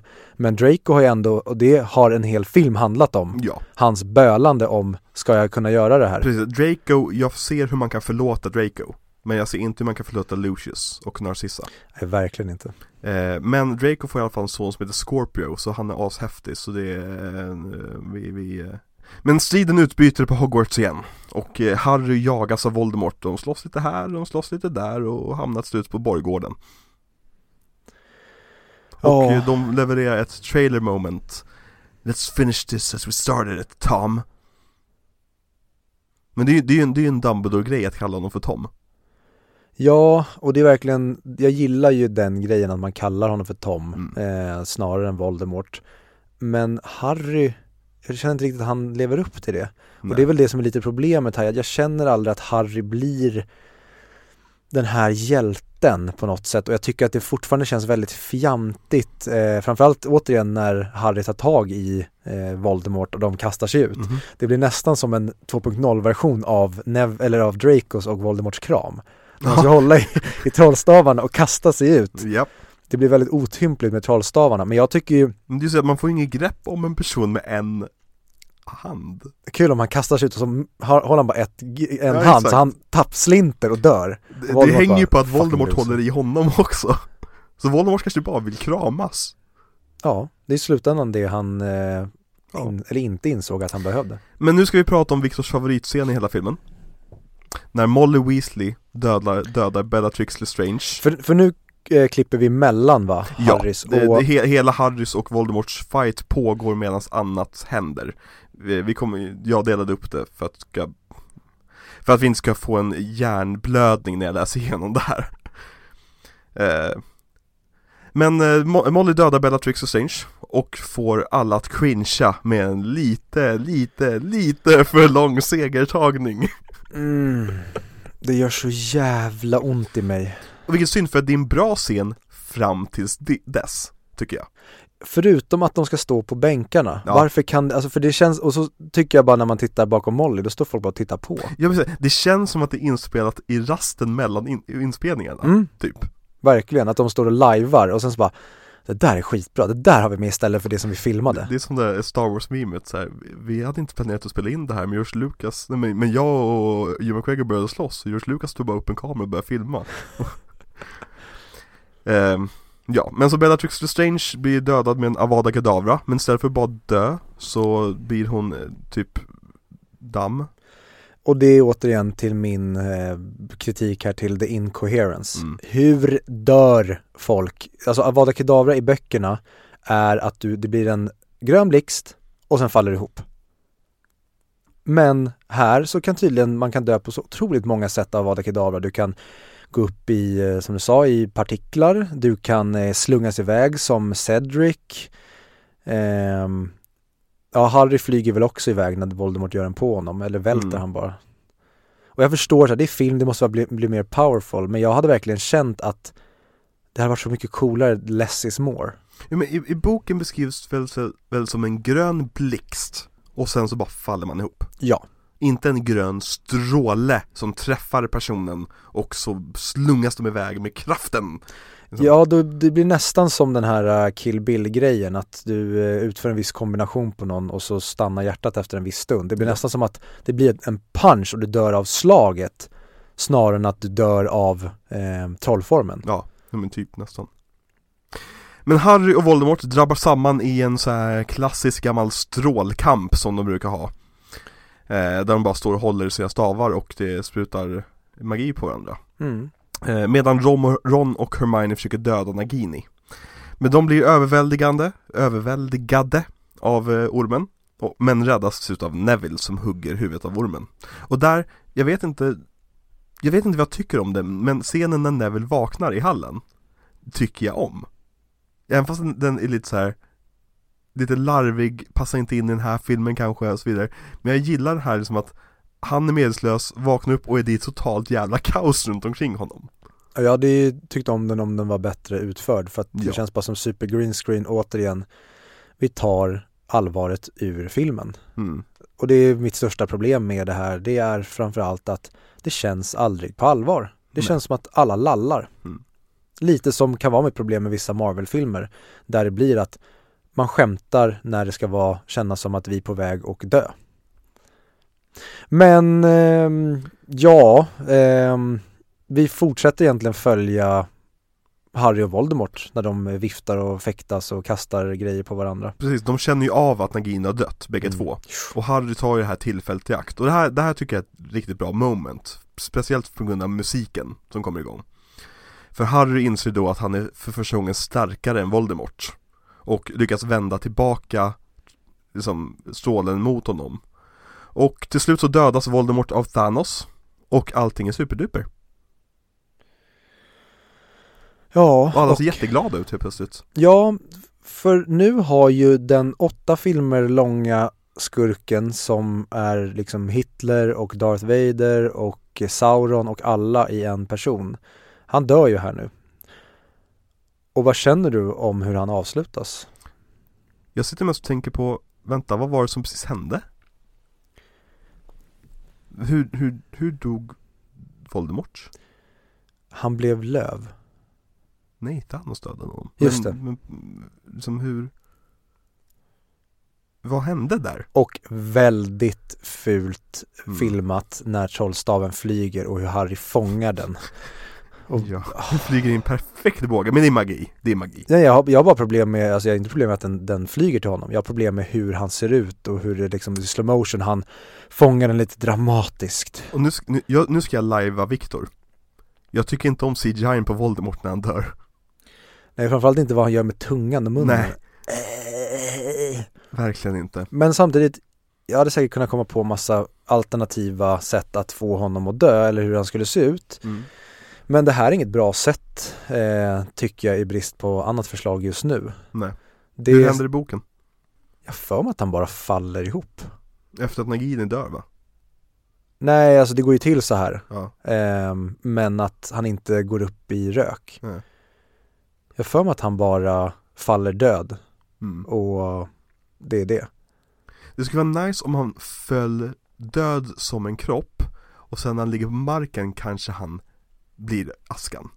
Eller förmultnar till sin bebisversion och sen typ bara torkar han ut och dör. Någonting. Så att det ligger Voldemort kvar som en liten, ja men torr version av den här grejen som ligger under bänken. Ta in John Carpenter. Ja, men alltså verkligen, jag håller med dig. Det har varit väldigt coolt och det har varit väldigt effektfullt om Voldemort ligger där Mm, och Harry går fram och ställer sig och tittar på honom och ser den här processen ske. exakt. För att då får vi verkligen känna på att han är verkligen död. Han har Mm. skrumpat ihop nu och försvunnit. Precis. Att Harry typ petar med sina barfota tår på bebisen när han är bara torkad och så går han sönder. Och så gör Barfota tår. jag tänkte bara att det ser äckligt ut när någons barfota tår petar på någonting som faller sönder i aska och så får han massa Voldemorts aska på sina tår och så måste han gå in och skölja av fötterna i badrummet och träffa Myrtle och så har de en konversation. Vad är ditt problem Viktor? Jag vill bara skriva Harry Potter! Ja, ja. David Fincher måste ju städa upp allt det här för hand. För alla lärarna är ju sadister. Åh, alltså det gör så jävla ont i mig när han för Comic Relief ska börja sopa upp ruinerna. Jag, jag tar den scenen som att han kommer få jobbet som, som hämnd för att han har joinat varenda jävla mörk trollkarl som har tagit över skolan de senaste åren. Så får du rensa upp allt det här skiten. Ja, och jag ser inte riktigt hur det löser något problem. Ska de gå runt där i typ 40 år Mm. medan han håller på och städar och bara, ja, ja, slottet är som det är, det är under renovering. Ja. Men Har- Harry berättar för Hermione att, och Ron, Kretchen var uteslöt Ron i den här meningen. Ja, för Ron är typ inte med. Nej. Eh, att anledningen till att The Elder Wand inte lydde Voldemort är för att staven tillhörde Draco. Men eh, ni minns ju vad som hände med Dracos andra trollstav? Harry ryckte den ur handen på Draco. Så det betyder också att The Elder Wand, som Ron aldrig rörde, också är Harrys trollstav. För att Harry snodde en trollstav av Draco, inte via magi. För att här, här har vi mitt problem med den här. Men eh, då måste ju även Hermiones trollstav tillhöra Harry, för han tog ju den av henne när hans hade gått sönder, när han Ja. skulle hålla vakt. logiskt Så det innebär helt enkelt i den här världen att så fort någon ger en trollstav, någon annan håller ens trollstav, då byter den ägare. Eller om att du tar den från dem eller vad som helst. Det, det här är problemet Nej, men med jag menar- den ändringen. om jag ger dig en trollstav Ja. eh, som är min, då går makten över till dig. Och sen så ger du den till Becka som tyvärr inte kunde vara med idag. Ja, Eh, nej hon kan tyvärr inte Du ger trollstaven till Becka. Vänta nu, hur ska jag få tillbaka? Då innebär det att det borde ju bara vara den som har trollstaven i sin hand som, För stunden. ja, Mm. Och då borde inte det där funka fem öre. För tydligen så, eh, Harry är nu ägaren av The Elder One för att han ryckte Dracos stav ur handen på Draco. En annan stav än den staven vi pratar om. Det här är jätterörigt, vi går vidare. Eh, Men Mm. han bryter i alla fall av den. exakt. Eh, och återigen till hur David Yates regisserar här. Mm. Det ser så töntigt ut när han kastar den så. Mm. Alltså varför inte bara droppa ner skiten? Och Och, bara så- så här, det betyder ingenting. Vad är det med Harry Potter att lämna dödsreliker lite här och där? Stenen bara lämnar han i skogen. Det gör han väl i boken också? Ja, jag tror till och med Dumbledore frågar honom på Kings Cross eh, eh, stenen, ja den Men- ligger i, eh, i skogen, såg någon dig droppa den där? Nej, ja då är den nog trygg där. Han säger någonting Men den är ju livsfarlig rent säkert sett, den här stenen. Tänk om en, om en förstaårselev hittar den om 40 år för att de var ute på straffkommendering. Men hur vet han att han ska använda den? Ja, men det är en sten, om du vänder på den så, så eh, händer det. Jaha, jag trodde det var att man vände på den och sen så önskade man sig det som skulle ske. Ja, vad som helst, jag ser symbolen på den och, och börjar läsa på, vad som helst. Hermiones barn. Där har vi Vi den. kommer dit. Harry Potter and the Cursed Child 2. Vi kommer dit. Eh, och eh, här så han slänger den, den mäktigaste trollstaven så här, ja, båda två bitarna typ på samma plats. Så Kul att någon, någon, någon ambitiös trollkarl i framtiden skulle kunna laga det här. Och sen så kommer eh, min favoritshot i hela filmen när Harry, Ron och Hermione vänder sig mot kameran och håller hand. Varför vet jag inte. Och För jag var ironisk. För att det är väldigt, väldigt fint. Varför vänder de sig mot kameran? För att David Yates tyckte att det var fint. Men de stod redan riktade i en riktning Som var väldigt med bra liksom motljus och så vidare, väldigt fin miljö De kunde ju bara stått där och kollat ut med lite bra blocking David Yates, har du hört talas om blocking? Nu ska jag förklara för, jag tror inte jag har gått in på vad, blocking är i den här Nej. podden Blocking är ju när du sätter upp en bildruta kan man säga där du måste se till att allting syns utan att det känns att det är konstlat. Väl, eh, experten på det här är ju Spielberg.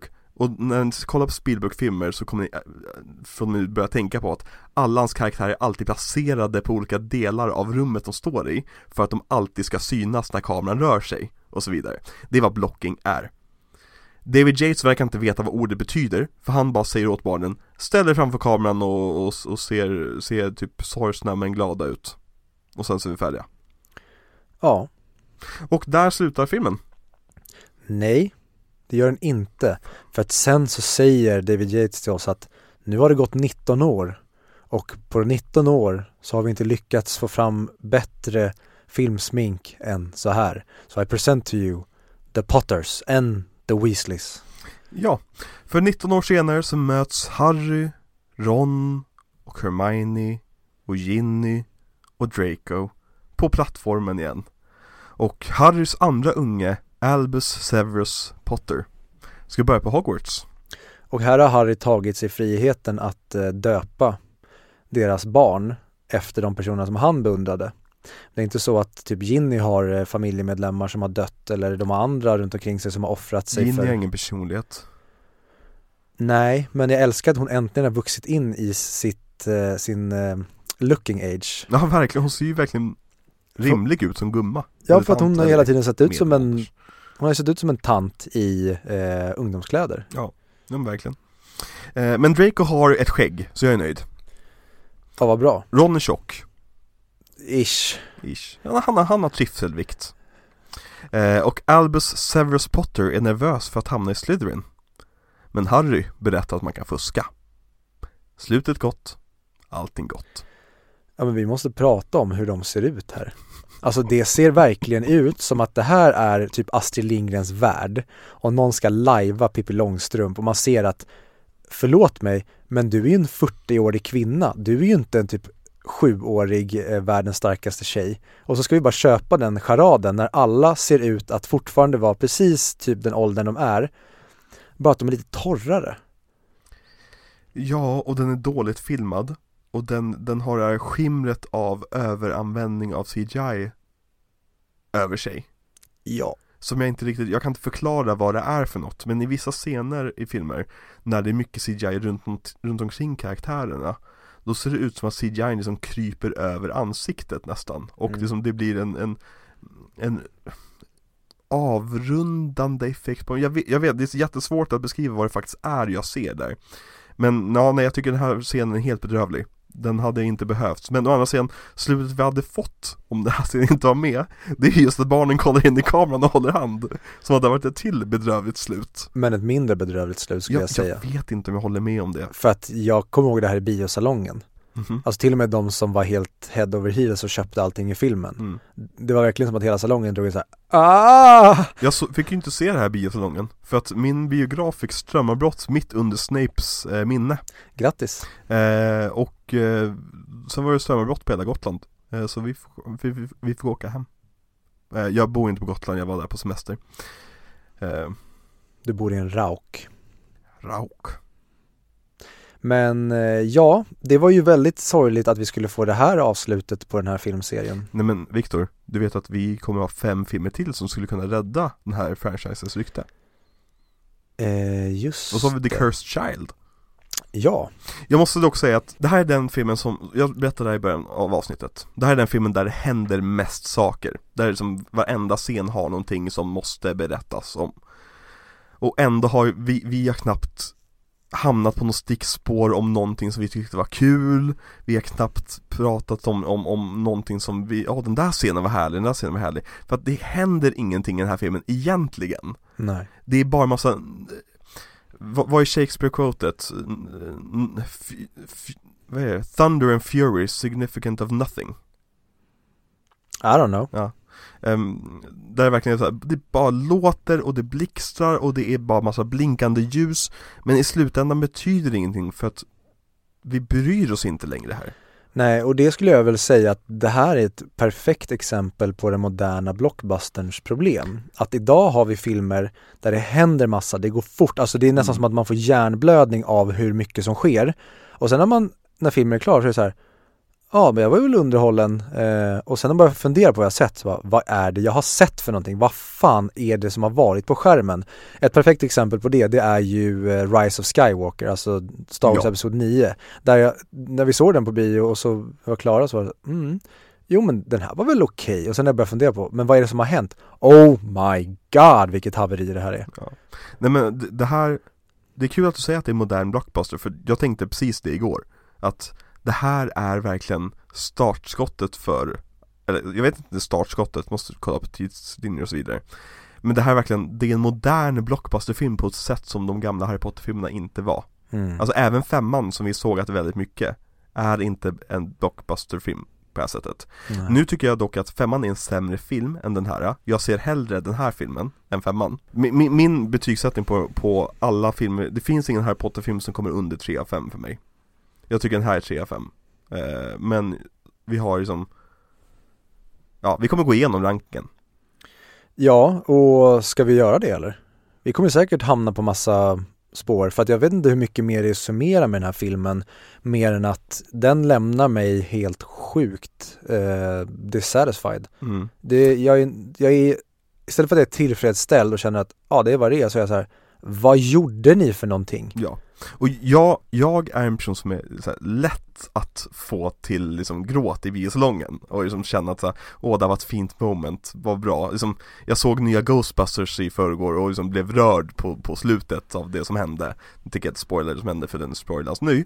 Men den här filmen, jag, som säger, jag känner verkligen ingenting alls när jag ser mina tre bästa vänner så att säga eh, Försvinna för, för, sista gången det är, Nej. som, det är tomt, det är bara såhär, jaha okej filmen är över nu, vad skönt, bra tack Mm.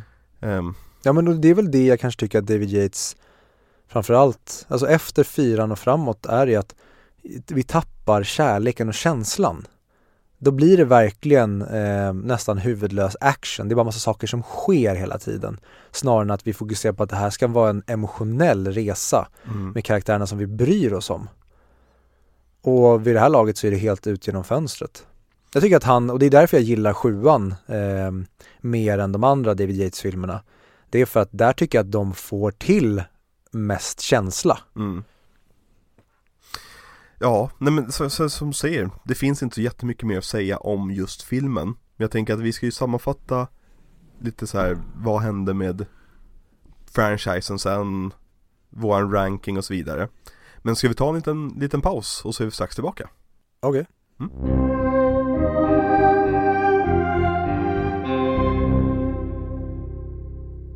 Och då var vi tillbaka. Så vi ska prata om Harry Potter-serien i helhet nu då. Mm. Gud vad hemska vi hade varit om vi hade lagt den här delen som Patreon-del. Det är ju verkligen så här smultronstället beteende. Du bara spelar outro-låten eh, när vi, innan pausen. Ja. Och sen undrar alla, vart tog det vägen? Och så står det i beskrivningen. Eh, bli Patreon för att lyssna på sammanfattningen. Gud, usch nej. Så eh, bli Patreon för att lyssna på sammanfattningen. Eller så lyssna på den här nu, nu, när vi tar den med. Ja, om ni vill. Så hur ska vi sammanfatta det här? Vad skulle du säga är Harry Potter-seriens liksom, Vad får dig att vilja återvända till den här serien i framtiden? Framförallt så är det ju hur filmserien startar och jag tycker väldigt mycket om att man, man får se de här barnen växa upp. Mm. Att de börjar verkligen som små nästan bebisar och så ja, har de blivit vuxna när vi är klara. Det tycker jag väldigt mycket om. Och jag tycker om att den startar med, enligt mig, de bästa filmerna och den bästa estetiken. Att de riktiga hantverksmässiga filmerna kommer först. Ja. Och att man sen eh, spårar ur snarare än att man gör tvärtom. Mm. Att det hade varit outhärdligt om vi hade startat med femman och åttans nivå och sen hittar man sin groove under filmseriens gång. Ja. För det vet jag när jag ska starta olika filmserier när de börjar lite haltande och sen hittar in i sitt mode. Då känner jag så, äh, men jag orkar inte dra igång det här. Nej. Harry Potter är ändå en lätthet i att starta det hela. Men jag tycker sen tyvärr att de sista filmerna de gör mig ju alltid lika ledsen över eh, vart de tar vägen. Mm. Samtidigt som jag har väldigt mycket kärlek för dem. Mm. Och som jag sa, det jag tycker väldigt illa om femman och åttan. Mm. Men det är fortfarande bättre än de mesta blockbusterfilmer som görs och framförallt filmserier. Framförallt filmserier som vi har sett, ta Jurassic Park och Jurassic Park var på 90-talet och vad Jurassic World är idag. Mm. Jag vill ju hugga knivar i mina ögon när jag ser Jurassic World och det vill jag inte med Harry Potter. Jag tycker att det är en, det är typ den, det är den bästa långgångna filmserien som har gjorts men samtidigt kan jag inte dra upp ett annat exempel. Jag tycker till exempel att, nu drar jag bara, men ta Hunger Games. Mm. Den tycker jag ifall, alltså blir ett haveri Mm. mot slutet och då har de ändå gjort det som en enhet eh, och vetat för alla böcker fanns väl ute innan de började filma. Det tror jag. De förutsättningarna fanns ju inte här så jag tycker ändå att de verkligen drog det här i hamn på ett sätt som är imponerande om man Ja. jämför med andra projekt och framförallt ta Star Wars som jag tycker, ja men ettan, tvåan, trean är ändå, vad säger man, det är ju de an, den andra epoken i filmserien. Mm.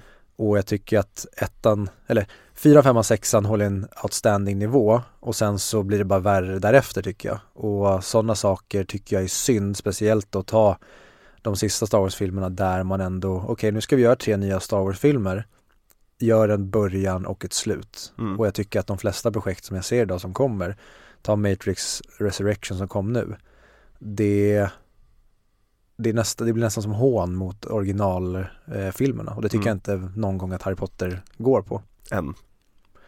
Ja, om vi bara ska se det här, för jag, jag räknar bara, det, det är bara de här filmerna som handlar om Harry Potters eh, liv eller Mm. den här kampen mot Voldemort. Sen Precis. vad de gör med universumet, det, det får stå för sig. Ja. Nej men jag, jag håller med dig om att alltså även, vi har låtit väldigt, väldigt negativa idag. Mhm. Eh, Eh, och även förra veckan var vi ju rätt negativa. Eh, och jag tror att man märker också när man kollar på på längden av avsnitten egentligen hur, hur vi kan prata i nästan två och en halv timme liksom om, om fyran. Och här så är vi färdiga efter en och en halv timme med den sista biten av filmen. Men jag tycker att överlag så håller det här en väldigt hög kvalitet. Och det Precis som du säger att den börjar så pass bra att det är lätt att se de sista filmerna ändå. Mm. Att man liksom så här, man är ändå inne i modet här. Mm. Um, så vad skulle du ta för eh, ranking på Harry Potter-filmerna? Ska vi köra, jag tar min åtta, du tar din åtta, eller ska jag köra igenom alla mina och sen kör du igenom alla dina? Jag behöver justera min lista lite grann. Mm. Uh, för det har jag inte gjort så jag såg om dem nu. Så jag ska bara göra det, ge mig en sekund.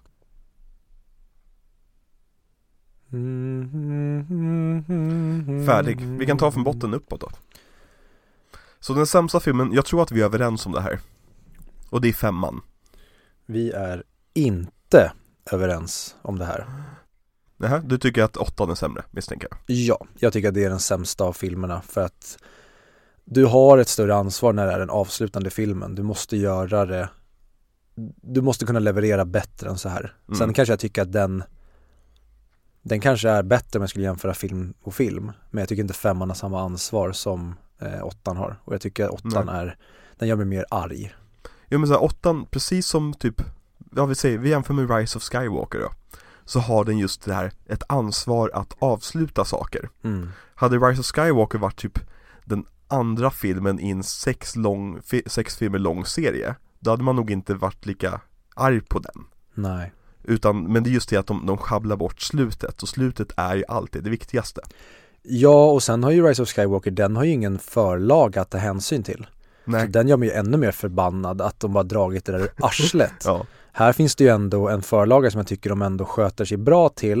Men jag tycker att det är för dåligt sett till att det här är världens största bokserie genom alla tider. ja, Här ska ni ha eh, the A-game och alla ska vara A-list, vilket Mm. jag tycker att de har överallt utom på då eh, registolen. precis Ehm, Och vi kan också säga det, vi, vi gör ju våra listor på Letterboxd Där vi också rankar alla våra filmer som vi Mm. ser Så ni, om ni tycker om att bara ja, följa folk på Letterboxd och få filmtips egentligen eh, Så kan ni ju följa oss där Och där heter du, Eh, v. Landegren. ja, och jag heter Infernix Steve Ja, Ja. och där även, vill ni bara ha random filmtips så vi båda gör ju många listor där mm. vi lägger in till exempel våra favoritfilmer av vissa regissörer och så. Jag listar ju praktiskt taget allt jag ser På något sätt Ja okej.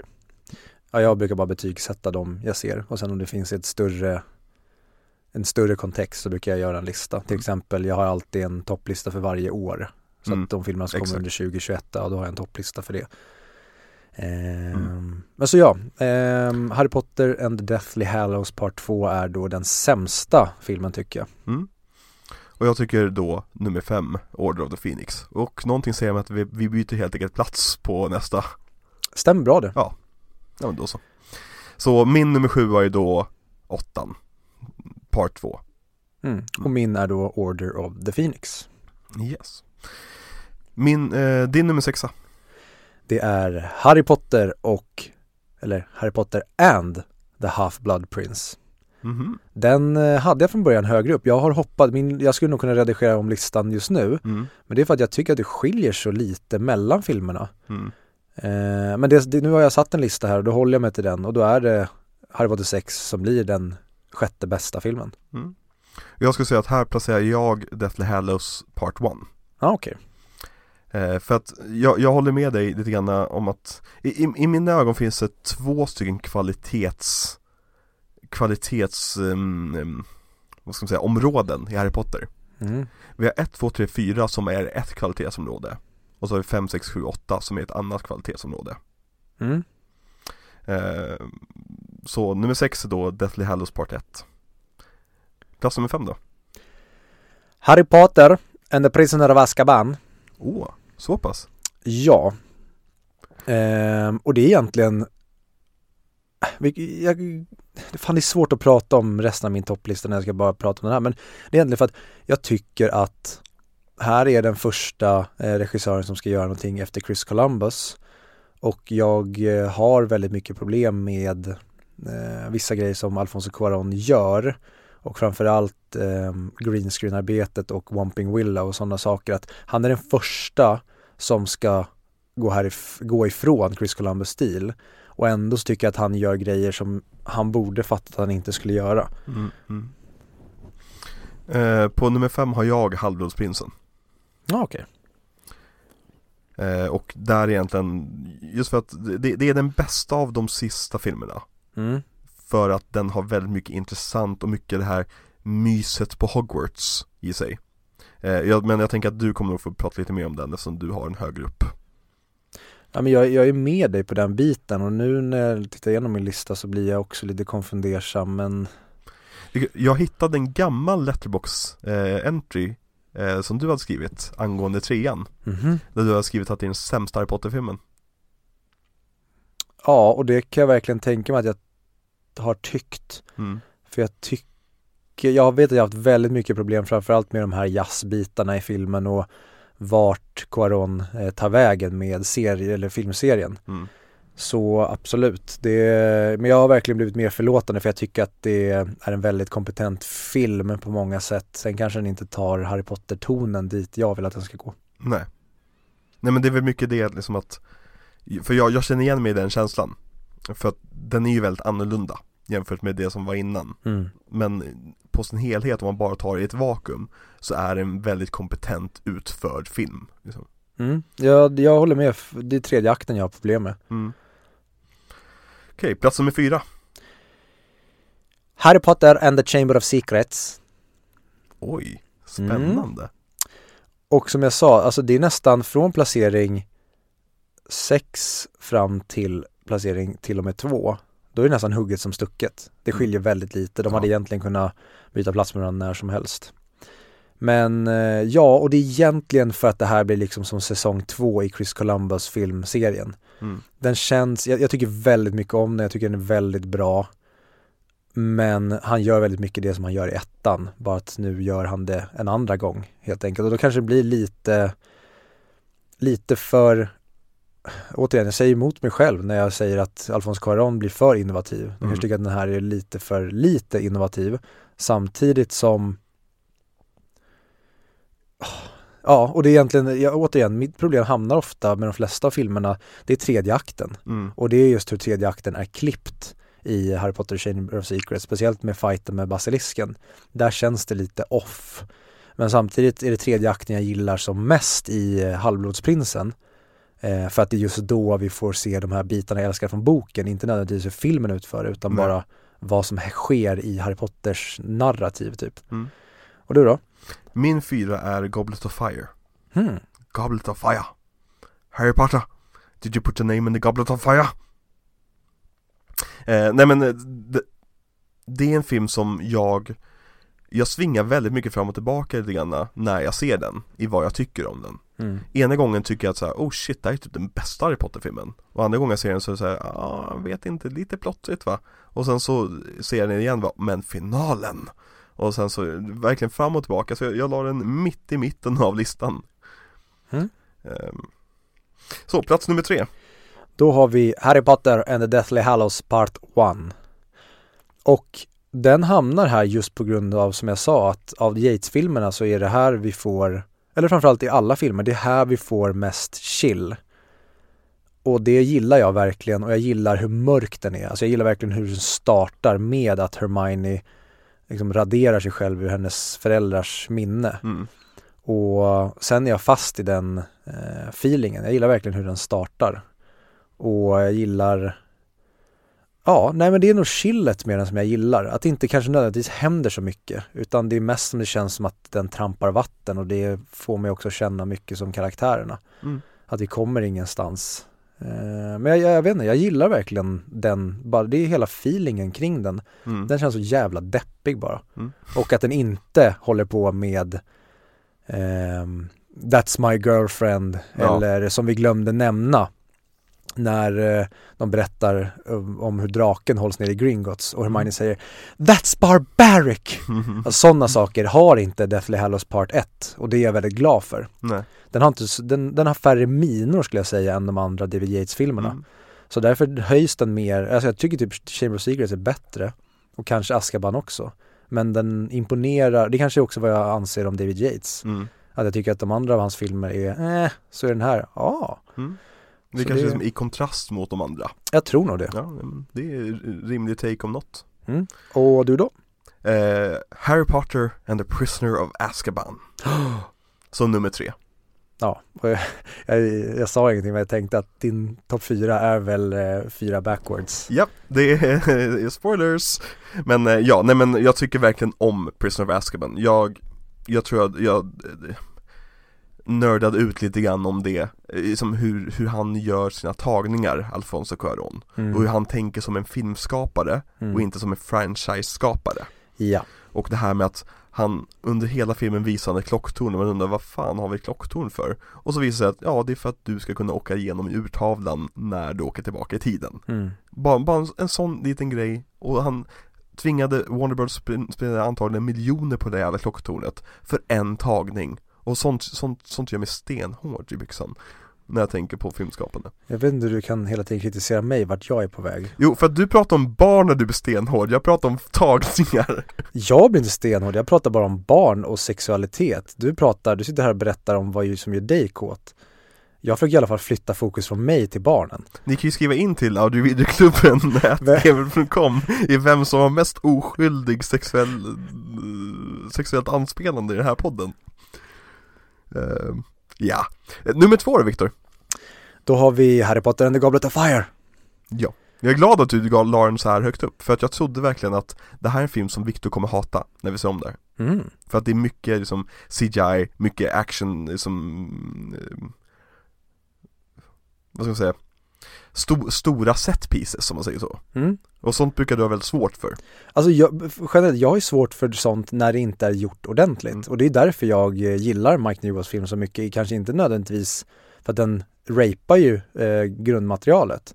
Men jag gillar just hur mycket, precis som Quaron, han gör väldigt mycket en film här Mm. och tar sig friheter och gör saker ordentligt. Och jag gillar, ja men, bara hur saker eh, tajmas och ta sekvensen med The Graveyard och även sekvensen med draken Mm. som är, ja men sekvensen med draken när de flyger vid Hogwarts och den klättrar på fasaden är ju kanske den snyggaste i alla Harry Potter-filmer. Den är så Ja. jäkla snyggt gjord. Det är bisarrt bra CGI-arbete. Ja, Och, och, där, du som håller helt tiden på att klanka ner på CGI, där någonstans är det också det här att när CGI verkligen funkar, då har ju du inte något problem med det.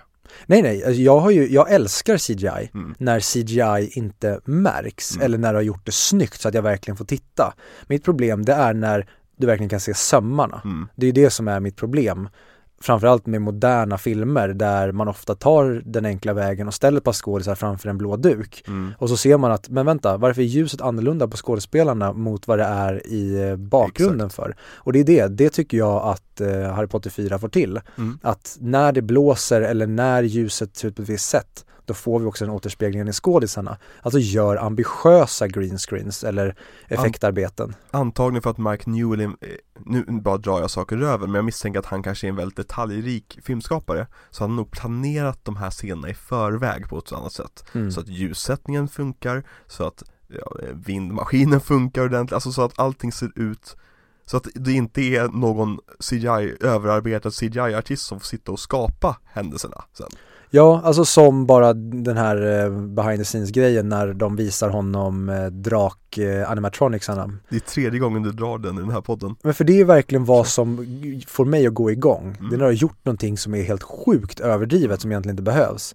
Men det används i, ja men typ en scen, sen är draken datagjord. Men du har även då en riktig modell att utgå ifrån när du ska animera. Precis. Nej men jag håller med. Det är, mm, jag gillar verkligen Goblet of Fire som sagt. Och jag tror verkligen att han är, för den där noggrannheten som du pratar om, jag tror verkligen att han har den.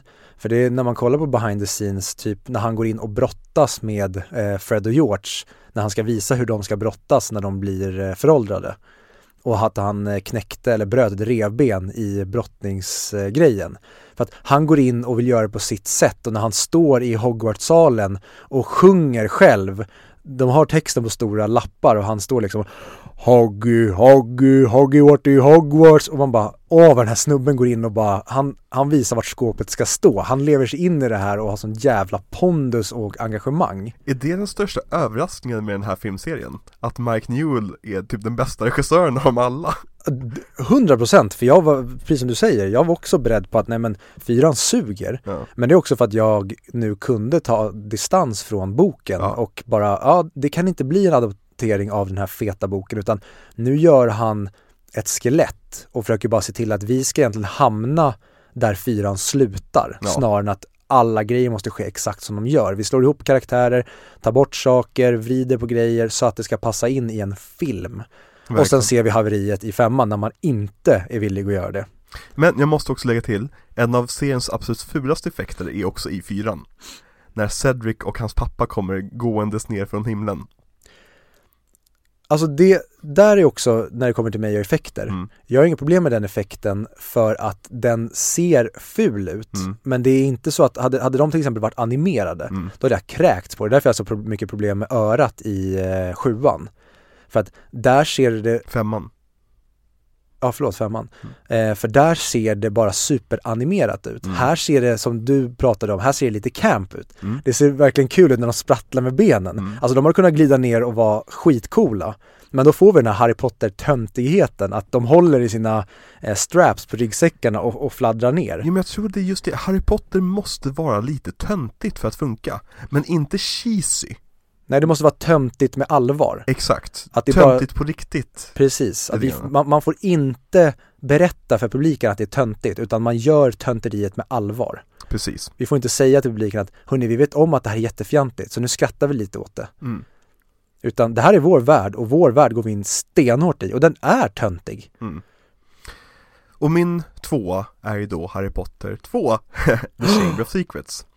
Mest för att jag tycker att det är ett sånt, just som vi har varit inne på hundra gånger i den här podden nu, att det känns verkligen som säsong två av Harry Potter. Och Jag, jag gillar verkligen det här med uppföljare, det är så lätt att misslyckas med uppföljare. Och det är så lätt att bli, att gå helt överstyr och designa om allting och liksom, nu gör jag ju treande, men, men, och det är så lätt att, att sabotera saker. Mm. Men jag tycker att tvåan bara kompletterar ettan. Och den gör ingenting för att, för att göra ettan sämre. Och det är otroligt svårt och så den har verkligen min respekt när jag kollar på den. Ja, för jag skulle nog säga att fy, eller tvåan skulle nog säga den bästa Harry Potter-filmen, alltså overall. Att den verkligen gör det som ettan gör, fast bättre skulle jag säga. De får till lite snyggare saker, feelingen, alltså skådisarna blir bättre och det och jag tycker verkligen om hur trogen den är boken. Ja. Men den sjönk lite för mig och det är nog bara för att jag blev så imponerad och inte trodde att jag skulle tycka om eh, sjuan, fyran. Och- Trean. Ja men den kom före trean. Ja. Så att jag eh, hade nog egentligen kunnat placera den först. Men eh, ja, kommer komma till det när jag säger min etta. Vil, vi, vä- vänta, vilken är våran etta? Fantastic Beasts, And where to find them? ja, Nej, min etta är Fantastic Beasts, The Crimes of David Yates. ja. Ja. Eh, nej men ettan är där just för att den magin som Ska jag säga vilken ettan är bara för att folk inte hängde med? ja, Harry Potter and the Philosopher's Stone Ja. är den bästa Harry Potter-filmen just för att den startar universumet, den har den här omöjliga uppgiften att få till det här Mm. som egentligen borde haverera utav bara helvete. Och den är så snygg. Den är äckligt snygg, den är äckligt ambitiös, den tar sin tid med allting, den vet hur den ska pacea och det som du pratar om med blocking. Alltså det känns som att det är Steven Spielberg som har gjort. Jo men jag vet inte hur Jag tror att Chris Columbus på något sätt är kopplad till Spielberg för att det är för mycket Spielberg i honom för att inte vara det. Alltså att han är typ någon lärjunge till Spielberg misstänker jag Eller någonting. Jag ska kolla upp det här kan jag återkomma kanske i senare avsnitt. Så jag för mig i alla fall att han definitivt har kopplingar till Zemeckis. Ja och, Och Zemeckis har ju Zemeckis- Amling-kopplingar Ja, han är ju en prodigy till Spielberg. Precis Men eh, ja, alltså den är fantastisk på alla sätt. mm. Ehm, Jag ska säga att ettan är den enda som är en fyra ja, det håller jag med om. Mm. Ja, det kanske, ska jag säga betygen kanske? Men det kan jag dra när, Vi har ju dragit betygen vi sa aldrig betyg på sista. Men du sa ju att du inte sätter lägre än tre Nej, jag tycker någon. 3 av 5 det, det är min baslinje för Harry Potter Jag tycker att allting funkar tillräckligt mycket för att jag inte ska liksom, säga att det är underkänt Ja okej, För att under 3 av 5 för mig är underkänt ja, okej. ja, för två och en halv för mig är godkänt Okej, Det är, så här, det, det är okej. Men den sista filmen är två av fem för mig. Mm. Eh, jag höjde, när vi pratade om den i avsnittet vet jag, ehm, femman till två och en halv av fem. Så den är ändå godkänd. Och därifrån upp, jag tycker resten är tre av fem upp till till tvåan. För två, två, sju, fyra och ett. Eller förlåt, två, sju, fyra. De är tre och en halver, alltså nästan fyra, för de tycker jag gör det väldigt bra. mm. Och så ettan är en fyra av fem just på grund av att den etablerar det här och det den gör med, alltså bara ta John Williams score. Du gör en Ja. barnfilm och du har ett av de mest recognizable musikstyckena i filmhistorien. Mm. Och Inte bara det, utan det är typ tre av de mest recognizable musikstyckena i filmhistorien Ja, absolut. Alltså, Vi har ju liksom dun, dun, dun, dun, dun, Och så har vi du, du,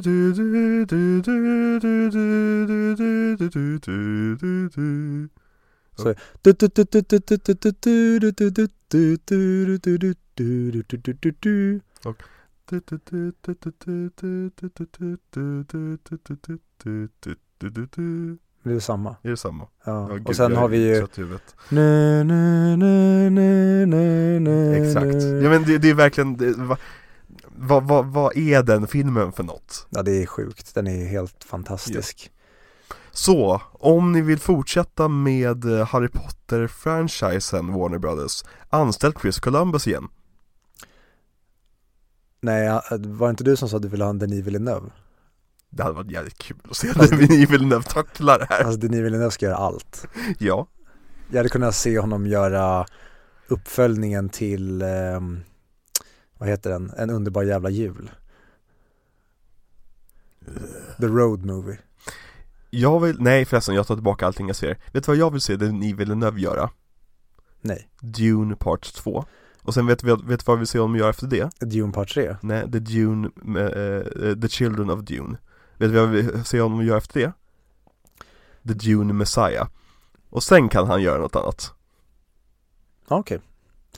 Jag eh, signar upp på det. Men egentligen, han får göra vad han vill för mig. Det, så- Jag är väldigt besatt av Dune just nu eh, det, det har jag inte pratat om i podden Men eh, jag eh, blev helt jävla knockad av Denis Villeneuves film Och har under hösten bara nördat ner mig totalt i Dune Och sett liksom de olika versionerna Dokumentären om den misslyckade versionen Läst sammanfattningar av böckerna men jag har beställt, jag har beställt eh, trilo- eh, originaltrilogin eh, hem nu Så det, ja det är vad du gör om dagarna. Fear is the mind killer Mm. Nej, jag tycker också jättemycket om eh, Dune. mm. Den var, ja men som jag har nämnt, alltså i en tid där alla blockbusters i princip suger röv och bara spelar på, som vi har pratat om en del du och jag, content, det ska bara vara eh, slänga upp nya eh, in, Instagram-inlägg i ansiktet på de vad säger man, eh, kokainabstinenta barnen som sitter på bio och bara ge mig, ge mig content. Det är vad blockbusters har blivit idag. Istället för att ge oss kompetenta filmhantverk så kommer det, det ni vill in och gör en blockbuster som kommer stå the test of time som vi kommer hylla om 10-20 år likt Sagan om ringen och Harry Potter. Och ändå tyckte du inte om Matrix Resurrections Förutom Matrix Resur- Resurrection som är den bästa filmen någonsin. Mm. Nej, jag, jag kommer att ha jätteroligt med Matrix Resurrection för att det är, eh, ja men det är ett haveri i mina ögon. Jag tycker att en haveri efter halvvägspunkten Ja, jag tycker den är ett haveri innan då också för att den Ja, jag tycker bara att den, den är ful och den är, den är korkad och den vet inte vad den vill och den, det är en film jag kommer ha väldigt roligt åt, Ja, inte ja. med. Definitivt Ehm, Vad skulle du säga om jag säger att det finns en fortsättning på Harry Potter? Eller en prequel till Harry Potter Som heter Fantastic Beasts Då skulle jag säga, skulle du vilja göra DVD-kommentarer på den med mig? Det vill jag definitivt göra. De är redan gjorda faktiskt Och Första i alla fall borde ligga ute redan på Patreon. Ja precis, när vi spelar in det här då är den ju inte Nej, gjord men när det här släpps då kommer den definitivt finnas på vår Patreon. lite information om how the sausage is made, så vi spelar in i bulk oftast, eller oftast, vi har gjort en miniserie men vi planerar att spela in i bulk. Och den här har vi gjort lite bulkigt, vi, alltså vi har spelat in alla avsnitt och sen släpper vi det liksom Men vi, vi, vi kommer planera att ha Fantastic Beast 1 och 2 på Patreonen och även ett specialavsnitt om The Cursed Child Ja, eh, och ni kommer även få ett smakprov på eh, våra DVD-kommentarer i nästa veckas avsnitt. mm, För då ska vi köra en DVD-kommentar på en av våra favoritfilmer, Klick. exakt, och nu undrar jag, vänta, har inte, okej, va? Då, då känner jag, ja, exakt. Det är precis den tanke jag vet att ni ska få när vi säger att vi ska se klick. Ja, för att ni, om ni kanske till exempel lyssnat på Nörden och jag, så har ju de pratat om, de gör ju även de DVD-kommentarer och de gör ju DVD-kommentarer på filmer som är intressanta att prata om. För det är inte roligt att göra en DVD-kommentar på en film som man tycker är jättebra, där man bara sitter och hyllar. Utan vi kommer göra DVD-kommentarer på filmer som vi kanske tycker är bedrövliga eller där det finns väldigt roliga grejer att prata om. Ja, för att det är ju verkligen så att med sådana här DVD-kommentarer, om vi bara ser bra filmer, då kommer vi antagligen bara sitta och vara tysta. För vi vill se filmen. Mm. Eh, man vill ju inte prata sönder en bra film på det sättet. Eh, men vi är inte riktigt färdiga med Harry Potter än. Eh, utan jag vill veta, Viktor. Vad skulle du säga om du fick en direktlina till eh, Walter Hamada tror jag det är, han heter. Warner Brothers president. Han frågar dig, vad ska vi göra med Harry Potter i framtiden? Vi ska göra någonting med Harry Potter. Det, första saken kommer komma om tre år. Berätta för mig vad det är, Viktor. Eh, då ringer man Benioff Weiss som har, var, har gjort eh, Game of Thrones. Benioff och Weiss. Ja. Ja, det där som sa Benioff Weiss, som att det var ett namn. De kanske har eh, fusat, det vet inte jag. Kanske blivit en person. Ah, Men eh, ja, vad heter de? David Benioff och Dan Weiss tror jag. ja, skitsamma. Weiss. Benioff Weiss i alla fall, han eh, ska få ansvaret att då som eh, med Game of Thrones göra en Harry Potter tv-serie där en säsong blir en film, eller en bok blir det idag. Och så försöker man göra så rakt av eh, trogna adapteringar av böckerna som det bara går med ett allvar och med gärna en fet budget. Men går inte det att göra utan man börjar larva sig och hålla på och man ska byta ut saker och kanske nu ta hänsyn till hur, vad J.K. Rowling har ändrat på i sina kommentarer och saker om detaljer i böckerna. Då skiter vi i det här och så gör vi istället då gärna, ja men som vi pratade om i ett tidigare avsnitt, en eh, 2D-animerad serie där vi kan leka väldigt mycket med det visuella. Till exempel Star Wars eh, Visions heter den va? Mhm lite i den stilen skulle man kunna göra en Harry Potter-serie eller bara göra rakt upp en animerad film av någon cool animatör som blir då 3D. Men jag hade helst gärna se live action i Game of Thrones-stil med det här allvaret. Eller så gör man en 2D-animerad grej. Alltså lite, det hade även kunnat vara hade kunnat vara anime. Det hade kunnat vara Mm. skitcoolt. Mm. Ja, det är väl Visions. Men du vill se det som en, en remake fast i serieformat? Ja, där man verkligen håller sig supertrogen till eh, böckerna. Mm. Och så kanske man får dela upp då eh, femman och kanske sjuan och även fyran i två säsonger. Alltså Ja. att nu gör vi det här utifrån förutsättningen att vi ska berätta boken så väl som möjligt. Ja. Vi ska inte bara se till att få ut en film om ett år. Exakt. Och eh, du själv då? Alltså jag skriver ju under på din idé, så jag vill ju ta en egen idé. Och det är egentligen att ge mig en eh, En miniserie på, säg fem avsnitt Om någonting i trollkarlsvärlden som inte är relaterat till Dumbledore Som inte är relaterat till Harry Potter Som inte är relaterat till Voldemort Utan ge mig en historia om en trollkarl För att jag tycker att Harry Potter, så fantasifull som den är ändå öppnar upp för en värld som är väldigt, väldigt spännande Mm. och väl, har väldigt mycket potential att kunna göra väldigt mycket coola grejer med. Jag gillar grejen med de här små handhållna trollstavarna som inte är liksom en del av trollkarlsmytos överlag utan de har ju trollstavar som de dunkar i marken. Tänk Gandalf liksom. Mm. Det är ju vad en trollstav har varit länge Fram tills Harry Potter kom Och det finns liksom jag tycker väldigt mycket att, att det finns mycket här att leka med i den här världen Så länge du inte får prequel-sjuka Så länge du inte gör en Fantastic Beasts av det. Och allting ska kopplas ihop och det kommer cameos hela tiden med namn vi känner igen.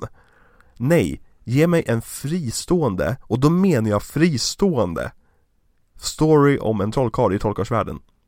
Mm. Sätt den år 2000 om du känner för att, eller år 2020 om du känner för att liksom kanske prata om modern teknologi versus eh, tradition och så vidare Eller vad som helst, jag, jag vill se någon göra någonting intressant av den här världen Som inte bara är, kommer ihåg det här? Mm. Om jag inte kan få din idé det vill säga Ja, och jag hade även kunnat se en slags miniserie eller film om eh, Tom Dolders liv. Ja.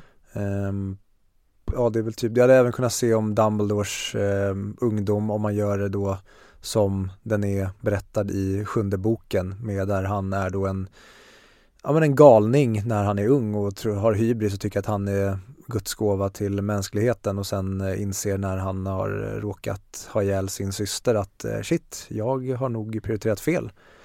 Men då vet jag att då hade det blivit någon Fantastic Beast-grej och nu ska ju komma några Secrets av Dumbledore som jag är väldigt rädd. Ja, det, jag är väldigt rädd vad hans hemligheter är för något Ja, nej så det är väl det. Om du fick ändra en sak med hela Harry Potter-franchisen, vad skulle det vara? Alltså så, alltså filmfranchisen Eh, det hade varit att man höll sig till Chris Columbus estetik rakt igenom. Mm. Och att de bara så här, du, du ska göra den här filmen, nu är den hired gun. Du får inte vika av och hitta på egna grejer, utan nu ska vi hålla oss så att allting ska vara enhetligt. Vi är Mm. noggranna från start till slut med att du får inte hålla på och ändra förutsättningarna i sak eller filmerna. mm. Jag hade nog, jag är lite med på det tåget. Eh, Jag hade nog castat Michael Gambon i första filmen. Vilket är kul, för när vi lyssnar, jag har lyssnat igenom första och andra avsnittet. Vi, vi ger ju Michael Gambon rätt mycket skit där. Och pratar om hur han inte, han tar tid på sig att ta sig in i rollen och grejer. Men sen så fort vi pratar om trean, då är det typ så här, han är grym! Han äger! Ja, nej han är verkligen det. Ja men just för att få den här he- enhetliga visionen över det hela. Ja, det, men det har också varit jävligt coolt att se vad som hade hänt med Richard Harris hela vägen igenom. Nej, nej, nej Jag vet vad jag ska ändra Jag ska vänta eh, sju år till Och sen ska jag spela in slutsekvensen fast med dem i den åldern de är Oh. Det är bara sju år kvar Ja, det hade, varit, det hade varit jävligt coolt. För det här är ju 11 år, den filmen kom för 11 år sedan Det är sjukt att tänka att vi har samma relation till sista Harry Potter-filmen Som sista Harry Potter-filmen har till första Harry Potter-filmen Ja. i tidsspann Det har gått så jäkla lång tid, går så, vi är så gamla Viktor ja. Vi kanske borde gå och ägna oss åt något vettigt istället. Något vettigt som klick till exempel Ja, Exakt så eh, vi hörs eh, nästa vecka helt enkelt. Där det kommer vara ett eh, lite annorlunda avsnitt och som du kallar det en palette cleanser. Ja, precis, men det är just vad det är, alltså Man, man, man rensar lite grann, man får dekom, vet dekomprimera. Man får eh, ta det lugnt, andas ut en stund. Där allting behöver inte vara, allting inte behöver vara så liksom kopplat till någonting. Nej, och sen efter det så sätter vi igång med våran första regissör. Exakt, och vem ska vi prata om? Vi ska prata om Paul Thomas Andersson. Exakt, för han kommer ju med en ny film nu Licorice. Pizza Mm. Och då kommer vi gå igenom hela hans filmografi och den sätter igång med Hard Eight från 1996. Exakt, så om ni vill ha lite um, homework, vad heter det? Läxa Vad ni ska kolla på fram tills nästa miniserie så är det egentligen Paul Thomas Andersons filmer Mm. Och då är det då Hard Eight, det är Boogie Nights Det är Magnolia Mm. Det Punch är Drunk Love, mm, There, Will Be Blood, The Master Inherent Vice, och Licorice Pizza Ja. Nej nej, eh, Phantom Thread just det, Phantom Thread kommer och där. Licorice Pizza Så det är Mm. nio filmer vi kommer prata om Mm. Spännande! Verkligen. Kul att ta podden i den andra riktningen för att egentligen grundidén med podden eh, Det är egentligen regissörsbiten så att säga Ja. Det här med franchises har vi lagt in för att vi tycker om att prata om franchises också Mm. Men regissören är ju där vi verkligen det vi verkligen ville göra så att säga. Mm. Så det kommer bli kul att komma in i den delen av podcasten också. Men sen efter Paul Thomas Anderson kommer vi komma tillbaka till en annan franchise. Men det kommer vi avslöja lite längre fram vad det är för något. Ja, precis. Men då får vi tacka så mycket för att ni varit med oss på det här Harry Potter-tåget. Så nu får ni sätta er på Hogwarts-expressen och åka tillbaka till era hem där ni får bo under trappan och leka med tennsoldaterna. Det är för övrigt ett fint moment i sjuan, när han går in under trappan. Mm. Kommer jag att tänka på, bara nu. Verkligen. Ja. Så, hur eh, avslutar vi det här? Säger vi bara Mischief Managed? Harry Potter. Eller? Nej. Nej. Vad får jag säga? Du får säga Mischief Managed. Ehm, jag tänkte säga, vad heter det på, vad säger de på svenska? Färdigbökat. jag, vet, jag minns inte.